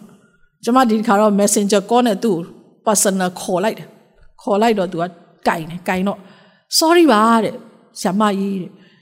အဲ့အခန်းအဲ့ဒီအချိန်အဲ့နေရာရောက်မှသူ့ဖုန်းဘေးကကုန်သွားတယ်သူကဟိုကနဲ့ဝင်တော့နော်ညလည်းအရန်မိုးချုံတော့ဘယ်ဆိုင်မှမဝယ်လို့မရအောင်တာပြေးဝယ်သေးတယ်မရတော့ဘူးအဲ့ဒါကြောင့်မလို့ဒီမနဲ့တော့တဲ့တွေ့တယ်တဲ့ဆရာမရေးထားတဲ့ဆုတောင်းချက်ကလေး သားတစ်လုံးသားတဲ့ခင်ယေရှုရောက်ပါပြီခင်ဗျာအဲ့လိုပြောကျွန်တော်အရာဝမ်းသာဝမ်းသာလို့လို့ဟာဂျေဇုတော်ပဲဒီကလေးကိုနော်စာတန်ကဘလောက်နောက်ရှက်လဲတွေ့လားဖုန်းဖေကအဲ့နားကြမှာကိုကကောင်းကန့်ရောက်ပါလေနော်ဆိုတော့ဒါပေမဲ့ဘုရားသခင်ကဒီလိုဆာငတ်ဒီကလေးကိုကျွန်မဒီနေ့အထိမမြင်ဘူးဒီလိုပဲ line ပေါ်မှာပဲစကားပြောတာပြီးတော့ तू ကသူ့မိသားစုကလည်းအဆင်မပြေဘူးသူသူခမညာဟိုကြက်ကြော်ဆိုင်မှာ तू ကစပွဲတိုးလေးလုပ်တာ ဒီကလေးလေးကလေအာအသက်ကတော့22နှစ်လောက်တော့ရှိပြီဆိုတော့ तू ကကိုတန်းအထိပဲပညာသင်ရတယ်ဖေလည်းမရှိတော့ဆိုတော့ဒါပေမဲ့အဲဒီနေ့တဲ့အထိတော့ तू မတိတာတွေမေးတယ်အာနှုတ်ကပတ်တော့ဗောနော်နောက်ပိုင်းကျမသူ့ကိုစံစာအုပ်ရှိလားရှိတယ်စံစာအုပ်လေးသူဘယ်ရရလဲတော့မသိဘူးနော်စံစာဘလို့ဖတ်ရလဲတော့ခိုက်လုတ်ပေးတယ်ဗောနော်အဲ့ဒါတယောက်နောက်တစ်ယောက်ကကြတော့ဘယ်သူလဲဆိုတော့အဲ့ဒါလဲကျမအကူကမိတ်ဆက်ပေးတာညဘက်ကြီးဖုန်းဆက်တယ်ဟေး ကျွန်တော်တို့ကညီမလေးလို့ခေါ်ညီမလေးအာအဲ့အမျိုးသမီးလေးတယောက်ကသခင်ယေရှုအကြောင်းသိချင်တယ်သူ့တက်တည်ခံပေးပါလားအဲ့ဒီအချိန်မှာအရှမ်းကျမတို့ရှိမှာဟိုလှိုင်းနေပြင်းနေတာလေသိရမလားအိမ်ထဲကတော့အိမ်ပြီးမထွက်ရအောင်ကျမတို့စားစရာဆိုလဲမှားပြီးတော့အပေါက်ကမှာဒီလိုပဲသွားယူပြီးစားရတယ်ပေါ့ဟဲနေပါဦးသွားပြီးတော့အေးဝင်ကြီးလို့ရအောင်ငါတို့ငါတို့ရက်ွက်ထဲမှာပဲနေတာတိတ်မဝေးဘူးတဲ့သူ့အိမ်က အေးသိမဝေးပြီမဲ့သွားလို့မရဘူးလေဒီချိန်ကနော်ပြီးတော့အဲ့ဒီအမျိုးသမီးကလည်းဖြစ်နေတဲ့လက္ခဏာကလည်းကိုဗစ်လက္ခဏာကြီးသူပြောနေတာသိလားကိုဗစ်လက္ခဏာကြီးနဲ့နဲ့ဖန်တဲ့ဘက်ခါပဲသေတော့ပဲပုံစံနဲ့ပြောနေတော့ तू မသေးခင်နဲ့အဲ့ဒါပြောလိုက်တယ် तू ကလည်းကျမကိုကလည်းမှော်ပြီးမှရောက်နေငါမှော်ပြီးမှရောက်နေတာတဲ့ဟဲ့ကျမဘလို့သွားမှလဲအဲ့ဒီအိမ်ကိုတော့သိတယ်ဒါပေမဲ့ဒီကိုဗစ်လူနာကြီးကိုကျမသွားပြီးတော့ထတော့မထနိုင်တော့ဘူးတဲ့ မျက်လုံးတွေလည်းဝါနေပြီတဲ့ဟာရှင်တွေကတော်တော်လေးကိုလှတာပေါ့နော်အဲ့ဒါနဲ့ဟာကိုကိုကျမအကိုကိုကိုကမဖြစ်ဘူးထင်တယ်ဘလို့လုပ်မလဲနေအောင်ကျမလည်းနှမျောတယ်တော့ကြာကြာငါမပြောလိုက် तू တည်သွားရင်လည်းဒုက္ခပေါ့နော်အဲ့လိုမျိုးတွေစဉ်းစားအဲ့အချိန်မှာ तू ကမဟုတ်ဘူးမဟုတ်ဘူးတဲ့ तू က messenger call နဲ့ခေါ်မှာဟဲ့ messenger call နဲ့ခေါ်အောင်ကျမနဲ့ तू နဲ့လည်းဟို friend မဟုတ်မဟုတ်ဘူးတဲ့ငါတမက် तू တမက်ပေါ့နော် तू ရဲ့ဒုတိယတမက်အဲ ဒုတိယသမက်ရဲ့တဲ့အမညီမတဲ့သူအားတဲ့အဲ့ဒုတိယသမက်ကလည်းဟိုမယုံကြည်သူနဲ့တချမ်းစီဖြစ်လာနော်သူမိဘတဖွဲကမယုံကြည်သူဆိုတော့အဲ့ဒါကြောင့်တဲ့ငါသမက်ကတဲ့ဟိုစလုတ်မဲတဲ့ကိုကိုသမက်ကနင့်ကို messenger call နဲ့ခေါ်ပြီးရင်အဲ့ဖုန်းနဲ့ဟိုဘက်ကအမျိုးသမီးကနားထောင်မဲဒီဘက်ကပြောအော် okay အဲ့ဒါဆိုအရင်စင်ပြေတယ်အတူခေါ်ခိုင်းအဲ့နဲ့မနေ့ကြတော့ကျမသူခေါ်လာတယ် အဲ့အမျိုးသမီးကမျက်လုံးတော့မဖွင့်နိုင်ခေါင်းကိုက်စိုက်ကြတယ်ဒါနဲ့ကျမသူ့ကိုအေးဝင်ကြီးသတင်းစကားတော်တော်လေးပဲပြောတယ်ဘာဘာမှလည်းတိတ်ရှည်ရှည်ဝေးဝေးလည်းမပြောတော့ဘူးเนาะဘုရားသခင်ကချစ်တယ်ဖန်ဆင်းရှင်ဖြစ်တယ်သခင်ယေရှုကအပြစ်အတွက်အသေးခံပေးတယ်မြင်မှာအပြစ်ရှိတယ်အဲ့အပြစ်ကိုတကယ်ပဲနောင်တရပြီးတော့နှလုံးသားနဲ့သခင်ယေရှုကိုခေါ်ဖိတ်ရင်အပြစ်လွတ်ခြင်းခွင့်ရမယ်ဒါပဲပြောလိုက်တာသူမျက်လုံးမှိတ်ပြီးတော့ကျွန်မပြောတာ तू ကြားလားမကြားလားလည်းမသိဘူး ဘာမှလည်းသိပြန်ပြီးမတုံ့ပြန်ဘူးနေလည်းတော်တော်မကောင်းဖြစ်နေဒါနဲ့ကျွန်မကကိုပြောပြီးပြီဆိုတော့ဒါပြီးပြီပေါ့နော်ကိုတာဝန်ပြီးသွားတော့ကဲညီမရေပေါ့နော်ညီမလေးပေါ့သူခေါ်လိုက်တယ်အဲမင်းမင်းပဲရွေးချယ်တော့ဒီအပိုင်းရတော့ရရောက်နေပြီမင်းဆုံးဖြတ်မင်းဒီခုနအာအမပြောတာမင်းနားလေလားဘာမေးချင်သေးလဲသခင်ယေရှုကိုမင်းတကယ်ပဲဝန်ခံမလား တောင်းဖို့လဲသဘောပဲဒါမင်းရဲ့ choice ပေါ့နော်မင်းရဲ့ရွေးချယ်မှုလို့ပြောလိုက်တဲ့ခါချက်ချင်းပဲမျက်လုံးပွင့်လာပွင့်လာပြီးတော့ကျမအားလုံးနားလေတယ်ကျမအခုသခင်ယေရှုကိုရွေးမှာရွေးချယ်မှာအဲ့လိုပြောတယ်ကျမနားအောင်မယုံဟမ်ဘာလဲဘယ်လိုလုပ်မှာသခင်ယေရှုကိုလေလက်ခံမှာယုံမှာလေယုံမှာအဲ့လိုမျိုးပြောတော့ကိုကကိုယုံကြည်လက်ခံတတ်လားလို့ပြောတော့ဆရာမပဲလုပ်ပေးပါ ဒါနဲ့ကျမသူ့ကိုအရှိကနေခုနပြောတဲ့ sinner spray ပေါ့နော်ဒီအဖြစ်သားရဲ့ခေါ်ဖိတ်လက်ခံတဲ့ဆူတောင်းချက်ကလေးနဲ့သူခရစ်တော်ခေါ်ဖိတ်လက်ခံပြီးအခါဟိုးတဲ့သူအရန်ပေါ်ပါသွားတယ်တဲ့သူ့ကိုဆက်ဆူတောင်းပေးပါသူချမ်းစာဖတ်ချင်တယ်အဲ့နဲ့ဒီဟုတ်ချမ်းစာကိုပို့ပေးမယ်တိတ်မဝေးဘူးလေအဲ့ဒါနဲ့ cycle carry ရှိတယ် cycle carry လွတ်လိုက်ကျမတည်တယ်အေးအဲ့နဲ့ကျမချမ်းစာအုပ်လေးနဲ့သူ့ကိုအဲသူစေကူဖို့ပေါ့နော်သူတို့လည်းအဲတိတ်ပြီးတော့မရှိဘူးဆိုတော့ စေကူတာစရိတ်ကလေးပေါ့နော်မေတ္တာပြလေးနဲ့စမ်းစာအုပ်လေးနဲ့ကျွန်မပေးလိုက်တယ်ပေးလိုက်ပြီးတဲ့အခါကျွန်မလည်းမေမေပြောက်ပြောက်ပဲထားတယ်ဒါပေမဲ့ဘာသတင်းကြားလေဆိုတော့ဒီကိုလာမယ့်နေ့ပေါ့နော်ကျွန်မဒီကိုထွက်လာခံနေ့နေ့မှာ Messenger လေးမှာ message ရေးရောက်လာတယ်ဒီသမီးဟာနှစ်ချင်းခံသွားပြီဟာလေလုယာနော်နှုတ်နဲ့ဝန်ခံစိတ်နှလုံးနဲ့ယုံကြည်လူရှိဖျားရှိအောင်တက်တည်ထူသွားပြီအဲ့ဒီခရစ်တော်ယုံကြည်လက်ခံတဲ့နေ့ကစပြီ နေပြန်ကောင်းသွားလိုက်တာတခါလေ तू က तू ကဟိုအလုတ်ယုံတစ်ခုမှာ तू တထင်းရဲ့လူယုံ तू ကအလုတ်ရန်ကောင်းတာအဲ့တထင်းကချက်ချင်းသူ့ကိုပြန်ပြီးအလုတ်ခံတယ် तू အလုတ်လဲပြန်ရတယ်ပြီးတော့ तू နေလဲကောင်းသွားတာမှတောင်းတောင်းပြီဒီနေ့အထိနေကောင်းတာကိုဗစ်လာဘာလာတော့မသိဘူးကောင်းသွားပြီပြီးတော့ तू ဟာနှစ်ချင်းခံနေဆိုတဲ့သတင်းကိုကျွန်မကြားတဲ့အခါမှာဒါကျွန်မလုပ်တာမဟုတ်ပါဘူးဝိညာဉ်တော်ဖခင်ကတကယ် အလုတ်လုတ်နေတယ်လူတိုင်းကိုဒီကနေ့ဖိတ်ခေါ်နေတယ်ဒီကနေ့ကလူတိုင်းအတွက်လူတိုင်းအတွက်ကြီးစုတော်ကာလနော်ဒီကြီးစုတော်ကာလဘယ်နေ့ဆုံးမလဲမသိဘူးအရက်တော့နီးနေပြီဆိုတာသိရတယ်ဘာဖြစ်လို့လဲဆိုနမိတ်လက္ခဏာတွေအများကြီးပဲဒီနမိတ်လက္ခဏာတွေပြီးသွားရင်တော့ဇလန်းကတော့ဆုံးတော့မယ်ပေါ့နော်ပြောရမယ်ဆိုရင်တော့ဇက်ရှိန်အမြင့်ဆုံးကိုရောက်နေတယ်ဒါပေမဲ့ကျမတို့ကဒီဇက်ရှိန်အမြင့်ဆုံးထဲမှာကျမတို့ကတကယ့်ကိုအသုံးခံရတာ ကြီးစုလို့တက်တက်ပါလို့နော်ဆိုတော့နောက်ထပ်နှစ်ယောက်ပြောခြင်းသေးတယ်အချိန်ရပါသေးတယ်နော်ဆရာနောက်ထပ်နှစ်ယောက်ကလေအရန်ထူးဆန်းတယ်ကျမနဲ့ကျမမျိုးသားခရီးမသွားဘူးဒီလိုပဲပေါ့နော်ခရီးမသွားဘူးဘဲမှလည်းမသွားဘူးအိမ်ထဲမှာပဲနေသူများတွေကလည်းပြောတယ်အပြင်မထွက်နဲ့နော်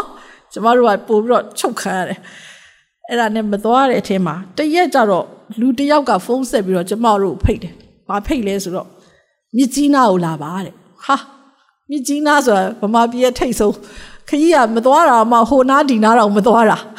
ထိတ်ဆုံးကိုသွားရမယ်ဆိုတော့ကျမကလည်းလွယ်လွယ်ပဲဖြေလိုက်တယ်အေးအေးဖျားသခင်လွှတ်လာမှာပေါ့ကွာအဲ့လိုပဲပြောလိုက်တာ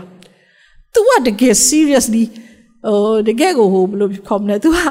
တေးသေးချာချာတိတိကျကျယူ तू တင်တန်းကြောင်းမှာလာပြီးတော့တင်တန်းပေးရမယ်ဆိုတော့ကျမကျမကိုခေါ်တယ်နောက်ထပ်စီးရဲ့အဖွဲ့ပေါ့နော်ခေါ်တာ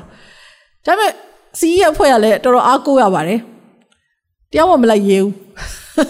နှာခေါင်းကလည်းထိုးအောင်မယ်ဒီလားအဲလင်းလက်မှအရင်ဖြတ်ပြီးနှာခေါင်းထိုးလို့ positive ဆိုရင်အဲ့ဒါ quarantine center ရဲ့ရောက်လင်းလက်မှလည်းဆုံးအဲ့လိုမျိုးဆိုတော့ဘယ်သူမှမစွန့်စားရဲဘူးပေါ့နော်ပြောရမယ်ဆိုဒါတကယ်စွန့်စားခံ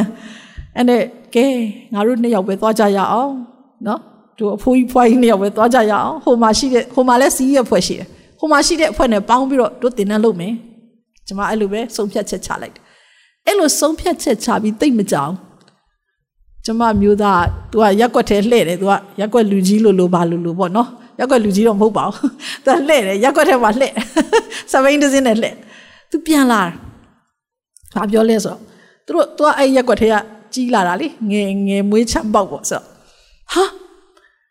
အမွေးဒီနေ့မိတ်ဆွေတယောက်နဲ့တွေ့ခဲ့တယ်အဲ့ဒီမိတ်ဆွေကဘာပြောလဲဆိုတော့တဲ့ သူ့မိတ်ဆွေတယောက်ကတဲ့သခင်ယေရှုသခင်ယေရှုတော့သူကြားတော့ကြားဘူးတယ်ဒါပေမဲ့တိတိကျကျသူ့ရဲ့အသက်တာထဲမှာဒီသခင်ယေရှုနဲ့ယဉ်နှီးခြင်းတယ်ပေါ့ပြောရမယ်ဆိုရင်နော်သခင်ယေရှုကိုပို့ပြီးတော့အာသိချင်တယ်ပေါ့အဲ့ဒါသူပြောပြပါလို့ပြောတော့အဲ့ဒီမိတ်ဆွေကဟာငါမပြောတတ်ဘူးတဲ့အာချိုတူးတို့များပြောတတ်မလားမသိဘူးတဲ့နော်သူချိုတူးခေါ်တာချိုတူးတို့ပြောပြအဲ့ဒါချူတူကလည်းဟေးငါမိမပဲပြောတတ်မယ်ဒီနေ့တဲ့သူကလည်းနော်ကျမကိုအားကိုးတာပေါ့အဲ့ဒါနဲ့ သူကကျမကိုပြောအေးကျမလည်းကောင်းပြီဒါဆိုအဲ့လူဘယ်သူလဲဖုန်းနံပါတ်တွေပဲယူဘယ်မှာနေတာလဲရက်ွက်သေးဆိုဒီအခုတော့သွားလို့လာလို့နည်းနည်းရပြီဆိုသွားမယ်ပြောမယ်အဲ့နဲ့ကျမပြင်ဆင်ထားတယ်ကျောင်းစာအုပ်တွေပဲယူထားတယ်အဲ့ချိန်မှာဘာပြောလဲဆိုတော့ဟဲဒီရက်ွက်ထဲကမဟုတ်ဘူးတဲ့အဲ့လူကမြစ်ကြီးနာ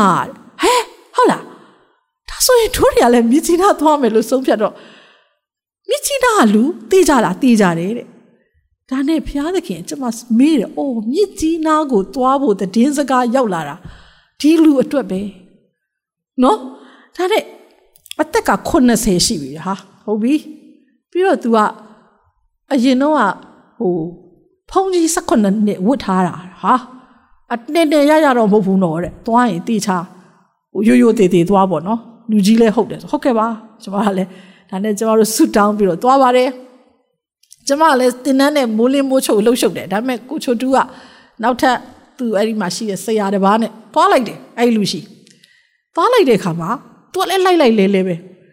သူတို့နှစ်ယောက်ဘာမှတော့မပြောလိုက်ရအောင်အဲ့ဒီလူကသခင်ယေရှုကိုယုံကြည်လက်ခံသွားတယ်။ तू ကတော့ရေးပေးခဲ့ခုနလိုကျွန်မကျွန်မတပည့်လေးရေးပေးသလိုသခင်ယေရှုကိုခေါ်ဖိတ်လက်ခံမှု sinners prayer လေးရေးပေးခဲ့ထားခဲ့။နောက်နေ့ကျွန်မတို့သင်တန်းပြီးတော့သွားလေတဲ့ခါမှာ သူ့မျက်နှာပြုံးရွှင်ပြီးတော့ဘာပြောလဲဆိုရင် तू ဒီဆူတောင်းချက်ကလေးနဲ့သူသခင်ယေရှုဘယ်လိုလက်ခံမလဲသိသွားအယမ်းကျေးဇူးတင်နေ။ကျွန်မတို့ပြန်လာတယ်။ညီကြီးနာမကြောက်ဓာတ်ပုံလေးတစ်ပုံပို့လိုက်တယ်။မြချင်းခံသွားပြီ။ဟာလေလုယာဖခင်သခင်လှုပ်တာဘာမှတော့မပြောလိုက်ရအောင်သခင်ယေရှုခရစ်တော်ကအသက်ရှင်တဲ့ဖခင်ဆိုတာဝန်ခံသွားအားလုံးအံ့ဩတယ်သူ့ကိုသူ့အတိုင်းဝိုင်းရလဲ နော်သူ့ကိုအံ့ဩတယ်ဒါပေမဲ့ဒါဖခင်ဒီဝင်းမှဲ့နေတဲ့ဝိညာဉ်တွေကိုရှိတ်သိမ်းရတာအမတန်ပဲအခွင့်အရေးဖြစ်တယ်နော်နောက်ဆုံးတစ်ယောက်ကကျမသားရဲ့တငယ်ချင်းနော်ဒါလေးပြောပြီးညီကုန်းချုပ်ပါပါနော်ကျမသားရဲ့တငယ်ချင်းကကျမသားသူ့တငယ်ချင်းမွေးနေတဲ့သွားတယ်ပြန်လာတော့အမိုးကိုပြောစရာရှိတယ်တဲ့အဲ့ဒီသူ့တငယ်ချင်းတငယ်ချင်းဆိုမြဲသူ့ထက်တော့အသက်နည်းနည်းကြီးတယ်နော်အဲ့ဒီတငယ်ချင်းကဘာပြောလဲဆိုတော့ မင်းကိုကြည့်ရတာအရန်ပဲပေါ့ပါတယ်တဲ့မင်းကတခုခုအထဲထဲမှာထူးခြားတာရှိဒါကြောင့်ငါ့ကိုပြောပြစမ်းအဲ့နဲ့ तू ကငါခရိယန်လေးတဲ့ငါသခင်ယေရှုကိုယုံကြည်လက်ခံတယ်သူပြောတဲ့အခါမှာအဲ့ဒါဘာလို့လဲငါငါအသက်တာထဲမှာအရှမ်းလေးပင်ပြီးတော့အတိတ်ပဲမရှိသလိုခံစားနေရတယ်ငါ့ကိုပြောပြပါဆိုသူလည်းသူတတ်တဲ့လောက်ပြောခဲ့တာပေါ့နော်ဒါပေမဲ့ဟိုခလေးကလည်းတော်တော်မေးခွန်းနေမေးတာတဲ့သူမဖြေနိုင်တော့အဲ့ငါမေဖြေလိုက်မယ်တဲ့အဲ့လိုပဲပြောပြီးတော့သူပြန်လာ ပြန်လာပြီးတဲ့ခါမှာကျမကိုပြောတယ်နော်အမိုးကြီးတဲ့အဲ့တငယ်ချင်းလေးကတော့အဲ့လိုအဲ့လိုတော့ပြောပြီးတဲ့ဟဲ့ဒါပေမဲ့သူ့ဘယ်မှာနေရသူကတင်ကန်းကျွန်းတဲ့ဟာတင်ကန်းကျွန်းနဲ့အင်းစိန်ကျမတို့ကဝေးကြီးပဲနော်သွားရေးလာရေးလည်းမကောင်းဒီချိန်ဒီချိန်ကနော်အဲ့ဒါနဲ့ကျမကောက်ပြီးဆူတောင်းထားမယ်လို့ပဲပြောတော့ဒါနဲ့ကျမကဒီလိုလုပ်လိုက်တယ်အမိုးရဲ့ဒီဒီ Sunday School Zoom class တွေကိုသူ့ကိုဝင်ခိုင်းသူနဲ့စကားပြောမယ်လို့ပြောလိုက်တဲ့ခါမှာအဲ့ဒီနေ့မှာဝင်လာတယ်အဲ့ဒီကလေးက ဝင်လာတော့ကျမ Sunday School တင်တယ်ပြီးတော့ဂျန်နက်ကလေးတွေထွက်ထွက်သွားတယ်သူ့ကိုတော့ကြံခဲ့ခိုင်းတယ်ပြီးတော့သူနဲ့နှစ်ယောက်တည်းစကားပြောတယ်ပြောတဲ့ခါမှာ तू ကအေးဝင်ကြီးလေးသတင်းစကားတော့ကောင်းကောင်းကြားပြီးပြီသူ့ကိုတားလေးကတက်တက်သေးခံထားတာပေါ့ဒါပေမဲ့ तू မေးချင်တဲ့မေးခွန်းလေးတွေ तू မေးတယ်မေးပြီးတော့ကျမလည်းတတ်နိုင်တဲ့လောက်လေးဖြည့်ပေးတယ်ဟာအန်ဒီကျွန်တော်ရှင်းသွားပါပြီတဲ့ပြောပြီးတော့ခုနခေါ်ဖိတ်လက်ခံတဲ့အပိုင်းကိုရောက်နေပြီဒါပေမဲ့ तू ကအဒီတဲ့ thank you နော်ဆိုပြီးတော့တခါ back နဲ့ဆိုထွက်သွားအဲ့ဒီသခင်ယေရှုကိုဘလို့ခေါ်ဖိတ်လက်ခံရမလဲဆိုတာကျွန်မမလုပ်ပြီးလဲအောင်ကျွန်မစိတ်မကောင်းဟာဒီကလေးကနားလေပါပြီ thank you ဆိုပြီးတော့ထွက်သွားတယ်ပေါ့နော်ဒါနဲ့ကျွန်မထားလိုက်တယ်မေးမေးပြော့ပြော့ပဲတစ်လလောက်ကြာတဲ့ခါကျတော့ဒီကလေးကဘာမှဟိုအတန်းနဲ့တောင်တိတ်တောင်ဝင်တော့ဝင်တယ်ကျွန်မနဲ့တိတ်မတွေ့ဘူးတခြားဆရာမနဲ့ပဲတွေ့တွေ့သွားတယ်ဒါနဲ့ကျွန်မကဆုတောင်းတယ်ဆုတောင်းချက်ထဲမှာထည့်ထားတယ်ဒီသားလေးတကယ်ပဲခ ရစ်တော်ယုံကြည်လက်ခံပြောင်းလဲပါစေဆိုကျွန်မဆုတောင်းချက်ထဲထည့်ထားတဲ့အခါမှာတစ်လလောက်ကြာရန်ကုန်မှာမီးရမ်းပြတ်တယ်ဒီလားအဲ့ညမီးပြတ်ကျွန်မလည်းအိတ်လို့မရဘူးမီးပြတ်တယ်ရမ်းအိုက်ပူအိုက်ချွေးရလဲတောက်တောက်ကြောက်ခါတဲ့ရှင်တွေကလည်းလာတယ်လေခန်းထဲမှာလည်းတကားမဖွင့်ရဘူးဖွင့်လာတဲ့ချင်းရဝင်တော့အခန်းလောင်ထဲမှာပဲနေအဲ့ချိန်မှာကျမလေးဟာရေကလည်းငတ်တယ်ဆိုည12နာရီထိုးကန်နေပြီ တနာကြီးဆိုရင်တော့မီးပြန်လာတယ်ညာတနာကြီးမှလာအဲ့ဒါကျမလည်း torch light လေးနဲ့ထွက်တော့အမောင်ထဲမှာလူတစ်ယောက်ကထိုင်နေအိမ်ဧကန်းမှာရှင်လေးကလည်းဧကန်းမှာလည်းရှင်ရှိတယ်လေဟဲ့ဘသူလေးလူကြည့်လိုက်တော့ကျမသားအင်းကြီးကိုချိုးကြီးနဲ့မပါဘူးဟိုပူအိုက်လို့လေသူထိုင်နေတာအဲ့ဒါကျမဟဲ့ဘာလို့ဒီမှာလာထိုင်နေတာလဲဟောဟေးတဲ့ပြဿနာတော့တက်ပြီးဒုက္ခပဲဟဲ့ဘာဖြစ်လဲခုနအဲ့ဒီ ကျွန်တော်တငယ်ချင်းလေးတဲ့အေးဘာဖြစ်လဲသူ့ကိုယ်သူတတ်တယ်တတ်တယ်ပြီးတဲ့ဟာကျွန်မစိတ်ထဲမှာဒိုင်းငယ်ဖြစ်သွားဟာကျွန်တော်အသားကိုအခုပဲနှုတ်ဆက်သွားတယ်ငါ့ကိုခွင့်လွတ်ပါငါမခံနိုင်တော့ငါဒီလောကမှာငါဆက်ပြီးဘာမှအသက်ရှင်နေတော့ဒါကြောင့်မလို့ငါမှအရန်လေးပြီတယ်ငါနှလုံးသားဘာမှလွတ်မြောက်ခြင်းမရအောင်ဒါကြောင့်မလို့ငါမင်းကိုနောက်ဆုံးနှုတ်ဆက်တာသူ့အရန်ခင်တယ်တော်တော်လေးခင်တယ်သူကလည်းအဲ့ကလေးကိုတော်တော်ခင်တယ် သူခါရဲငိုမတက်ပဲမျက်မျက်ရည်ဝဲနေပြီအခုပဲနှုတ်ဆက်ပြီးချသွားပြီတဲ့12နာရီဆိုရင်သူကသူလှုပ်လိုက်တော့မယ်ပေါ့နော်အခု12နာရီထိုးပြီတဲ့သူအဲ့လိုပြောတဲ့ခါမှာကဲလာသားဒူးထောက်ကျွန်မလည်းဒူးထောက်ဒီသားလေးရဲ့ဝิญဉ်ကိုကိုတော့ပြန်ကဲပါစာတန်ကတော့သူ့မှွင်ထောက်နေပြီအဲ့နဲ့ကျမသားကလေတော်ယုံတန်ကိုဆူတောင်းခိုင်းရင်လေသူကတော်ကြီးရော်ရွယ်တောင်းတာဒီတစ်ခါသူအတန်ကျဲနဲ့တောင်းတာဖျားသခင်ကျွန်တော်တငယ်ချင်းကို ဟာသူတော်တော်လေးကိုဆူတောင်းကောင်းတယ်အဲ့ဒါကျမလည်းဆက်ဆူတောင်းပြီးပြီးတော့သူအိတ်တော့မင်းအိတ်လိုက်တော့ကိစ္စမရှိဘူးဖုန်းခေါ်တယ်မကင်တော့သွားပြီထင်တယ်တဲ့ကိစ္စမရှိဘူးဖျားသခင်ရွေးကောက်ထားတဲ့သူမှန်ရင်စာတန်ထီလို့မရအောင်တာကြီးအမိုးတို့လည်းဆူတောင်းထားတာပဲဘာမှမဖြစ်စေရအောင်ကျွန်မစိတ်ထဲမှာလုံးဝငြိမ်သက်ခြင်းရဒါနဲ့ကျွန်မအိတ်လိုက်တယ်မနေ့ကျတော့ဖုန်းခေါ်တယ်မကင်ဘူးအဲ့ဒီကလေး တာကလည်းရောက်ရက်ခတ်နေတယ်သူကလည်းသူចောင်းကိစ္စနဲ့တာကအပြင်ထွက်သွားပြီးတော့ကျွန်မကိုဖုန်းနံပါတ်ပေးခဲ့ကျွန်မလည်းခေါ်တယ်မကင်တော့ဒါနဲ့ကျွန်မကဒီလိုပဲထားလိုက်တယ်ညနေ၄နာရီထိုးတဲ့အခါမှာကျွန်မလည်းဒီဖုန်းနံပါတ်ကလေးပြန်ပေါ်တော့တို့ကြည့်လိုက်တဲ့အခါမှာသူဖုန်းကင်ဟာတာမင်းနေကောင်းလားသူပြောသူချက်ချင်းပဲကျွန်မအတန်ကြားတဲ့အခါမှာအန်ဒီတဲ့တာလီတဲ့ခြေနေမကောင်းဘူးလေဆိုပြီးတော့သူ့အကြောင်းတွေအကုန်လုံးပြောပြ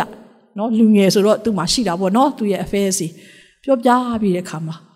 အန်ဒီတဲ့ဒါခုဘာလုပ်ရမလဲဟုတ်ပြီဒီချိန်မှာကျွန်မခွင့်ကောင်းပဲမင်းကိုအန်တီကူညီနိုင်တာတခုပဲရှိတယ်မင်းကိုငြိမ်သက်ခြင်းပေးနိုင်တဲ့အရှင်ကတော့သခင်ယေရှုဖခင်ပဲမင်းအဲ့သခင်ယေရှုဖခင်ကိုမင်းသိထားပြီးပြီလေအခုချိန်မှာမင်းသခင်ယေရှုကိုမင်းရဲ့နှလုံးသားထဲမှာကဲတင်ပိုင်ရှင်ဖြစ်ခေါ်ဖိတ်လက်ခံမှုအရေးကြီးတယ်။တာအခုခေါ်ဖိတ်မယ်အန်ဒီ။တာကိုလုပ်ပေးပါ။တာဘယ်လိုလုပ်ရမလဲ။ဟာသူတခါတည်းကိုလေ ဟိုရေငတ်နေတဲ့လူရေရင်းနဲ့ကြားတယ်လို့ပဲနော်။စက်တိုက်မေးတဲ့ခါမှာကျမဂျေဇုတော်အပြင်သူ့ကိုလမ်းပြ။ပြီးတော့ဒီ sinner's prayer ဒီခေါ်ဖိတ်လက်ခံဆုတောင်းချက်လေးပြီးသွားသူဘာပြောလဲသိလား။အဲ့အိုးစရာကောင်းလိုက်တာ။တားစိတ်ထဲမှာဘလို့ဖြစ်လို့ငြိမ်သွားလဲမသိဘူးတဲ့။အေးအဲ့ဒါအဲ့ဒါတခင်ယေရှုဖခင်ရဲ့ဖခင်ပေးတဲ့ညီသက်ခြင်းဆိုတာအဲ့ဒါပဲတာကြီးပြောတဲ့အခါမှာ तू အရှမ်းဝမ်းသာတယ် သူဆက်ပြီးတော့စံစာဖတ်မင်းဖခင်နဲ့ဘယ်လိုသွားရမလဲဆိုတာသူ့ကိုဆက်ပြီးတော့လမ်းညွှန်ပါလို့သူပြောတဲ့အခါမှာကျမသူ့ကို delivery နဲ့နော်သူကဝေးတယ်လေကျမတို့ရှင်မှာ delivery ပဲခစ်စားတယ်အခုနော်ဒီမှာလဲ delivery ပဲလုပ်တယ်ထင်တယ်နော်ဆက် delivery နဲ့ကျမသူ့ကိုစံစာကိုကလေးပို့ပေးတယ်သူရန်ဝမ်းသာတယ်သူစံစာဖတ်တယ်နားမလည်တာလေးတွေတော့ကျမသားနဲ့ဆွေးနွေးပေါ့နော်သူတို့ချင်းချင်းလေးတွေမေးကြတယ်ဒါကြောင့်မလို့ကျမတို့ရဲ့ focus ကလေ နောက်ဆုံးတော့ဖရာသခင်ရဲ့တည်င်းစကားပဲကျမတို့ကလေဒီနိုင်ငံသားမဟုတ်ဘူးကျမတို့ကကောင်းကင်နိုင်ငံသားဖြစ်တယ်ကျမတို့ကဝင်စားရမယ်ကောင်းကင်နိုင်ငံသားဖြစ်တဲ့အတွက်ကျမတို့ဝင်စားရမယ်ကောင်းကင်နိုင်ငံကိုကောင်းကောင်းလမ်းညွှန်နိုင်တဲ့သူတွေဖြစ်ဖို့ရန်အတွက်ဘုရားသခင်ကဒီလောကအမှောင်လောကတွေမှာကျမတို့ကိုထားတာဖြစ်တယ်။အမှောင်ကိုကြည့်ပြီးတော့ကျမတို့ဝေဝါးဖို့မဟုတ်ဘူး။ကိုယ့်ရဲ့အသက်တာမှာ ဖြစ်လာတဲ့အရာခုနကြေကွဲတဲ့အရာနားမလည်နိုင်တဲ့အရာပေါ့နော်တခါလေးကြာရင်မိကွန်းထွက်ဘာဖြစ်လို့ဒီလိုဖြစ်ရလဲဘာဖြစ်လို့သေရတာလဲဘာဖြစ်လို့ကိုရန်ခင်တွဲတဲ့သူကိုမှရှုပ်သိမ်းသွားတာလဲစသဖြင့်ဒီအရာတွေပေါ်မှာကျမတို့ဘုရားသခင်ပေးခြင်းတဲ့တည်င်းစကားရှိတယ်ဆိုတာတော့မမေ့နဲ့အဲ့ဒီသတင်းစကားကိုရပြီဆိုရင်တော့ပြီးသွားပြီအဲ့ဒါပြီးပြီဘာမှမလိုတော့ဘူးတကယ်မလိုတော့ဘူးအဲ့ဒီသတင်းစကားပေါ်မှာပဲကျမတို့ဆက်ပြီးတော့ အသက်ရှင်မယ်ဆိုရင်ဒီလောကရဲ့လိုအပ်ချက်ကိုလည်းဖရာသခင်ကဖြည့်သွားမယ်ဆိုတာဒီကျမ်းပိုက်ကလေးနောက်ဆုံးလက်ဆောင်ပေးခြင်းနဲ့ဟေရှာယ23:10ထာဝရဘုရားရှေ့တော်၌နေသောသူတို့အဖို့ဖြစ်၍သူတို့သည်ဝါစွာစား၍ခိုင်သောအဝတ်ကိုဝတ်ကြလိမ့်မည်တဲ့နော်ဆိုတော့ဘုရားသခင်ရဲ့တည်င်းစကားကကျမတို့အားဖြင့်ကျမတို့ကိုဘုရားသခင်ကဒီလောကမှာထားပြီးတော့သူ့ရဲ့တည်င်းစကား ကိုကျမတို့အားဖြင့်ဖြန့်ဝေတဲ့အခါမှာဖျားရှိနိုင်နေတဲ့သူတွေကဘာဖြစ်မလဲဆိုရင်ဝါစွာစားခိုင်တဲ့အဝတ်ကိုဝတ်တယ်ဒီလောကမှာလည်းလိုအပ်ချက်ရှိသမျှကိုဘုရားသခင်ကတာဝန်ယူသွားတယ်ဒီအရာကိုလည်းတာဝန်ယူသွားတယ်ဘုရားသခင်ကတရားပဲလှိမ့်ဟောပြီးတော့ရေတောက်ခိုင်းတာမဟုတ်ဘူးဘုရားသခင်က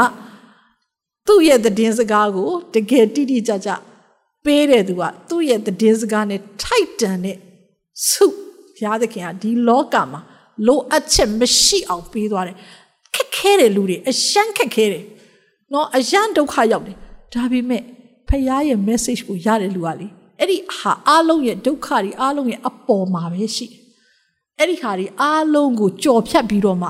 ဖခင်ရဲ့အလင်းဖခင်ရဲ့တည်ဖြစ်ပါတယ်ခဏလေးဆူတောင်းပြီးတော့ပိတ်အောင်နော် ယေရှုရှင်ဖဖျားသခင်ကိုရောရှင်ရဲ့ယေရှုတော်ကြောင့်ဒီနေ့သမီးတို့ဒီဒီနေရာမှာစုယုံပြီးတော့မှကိုရောရှင်ပြောတဲ့သတင်းစကားကိုရောရှင်ပေးတဲ့ message ကိုရောပေါ်မှာပဲ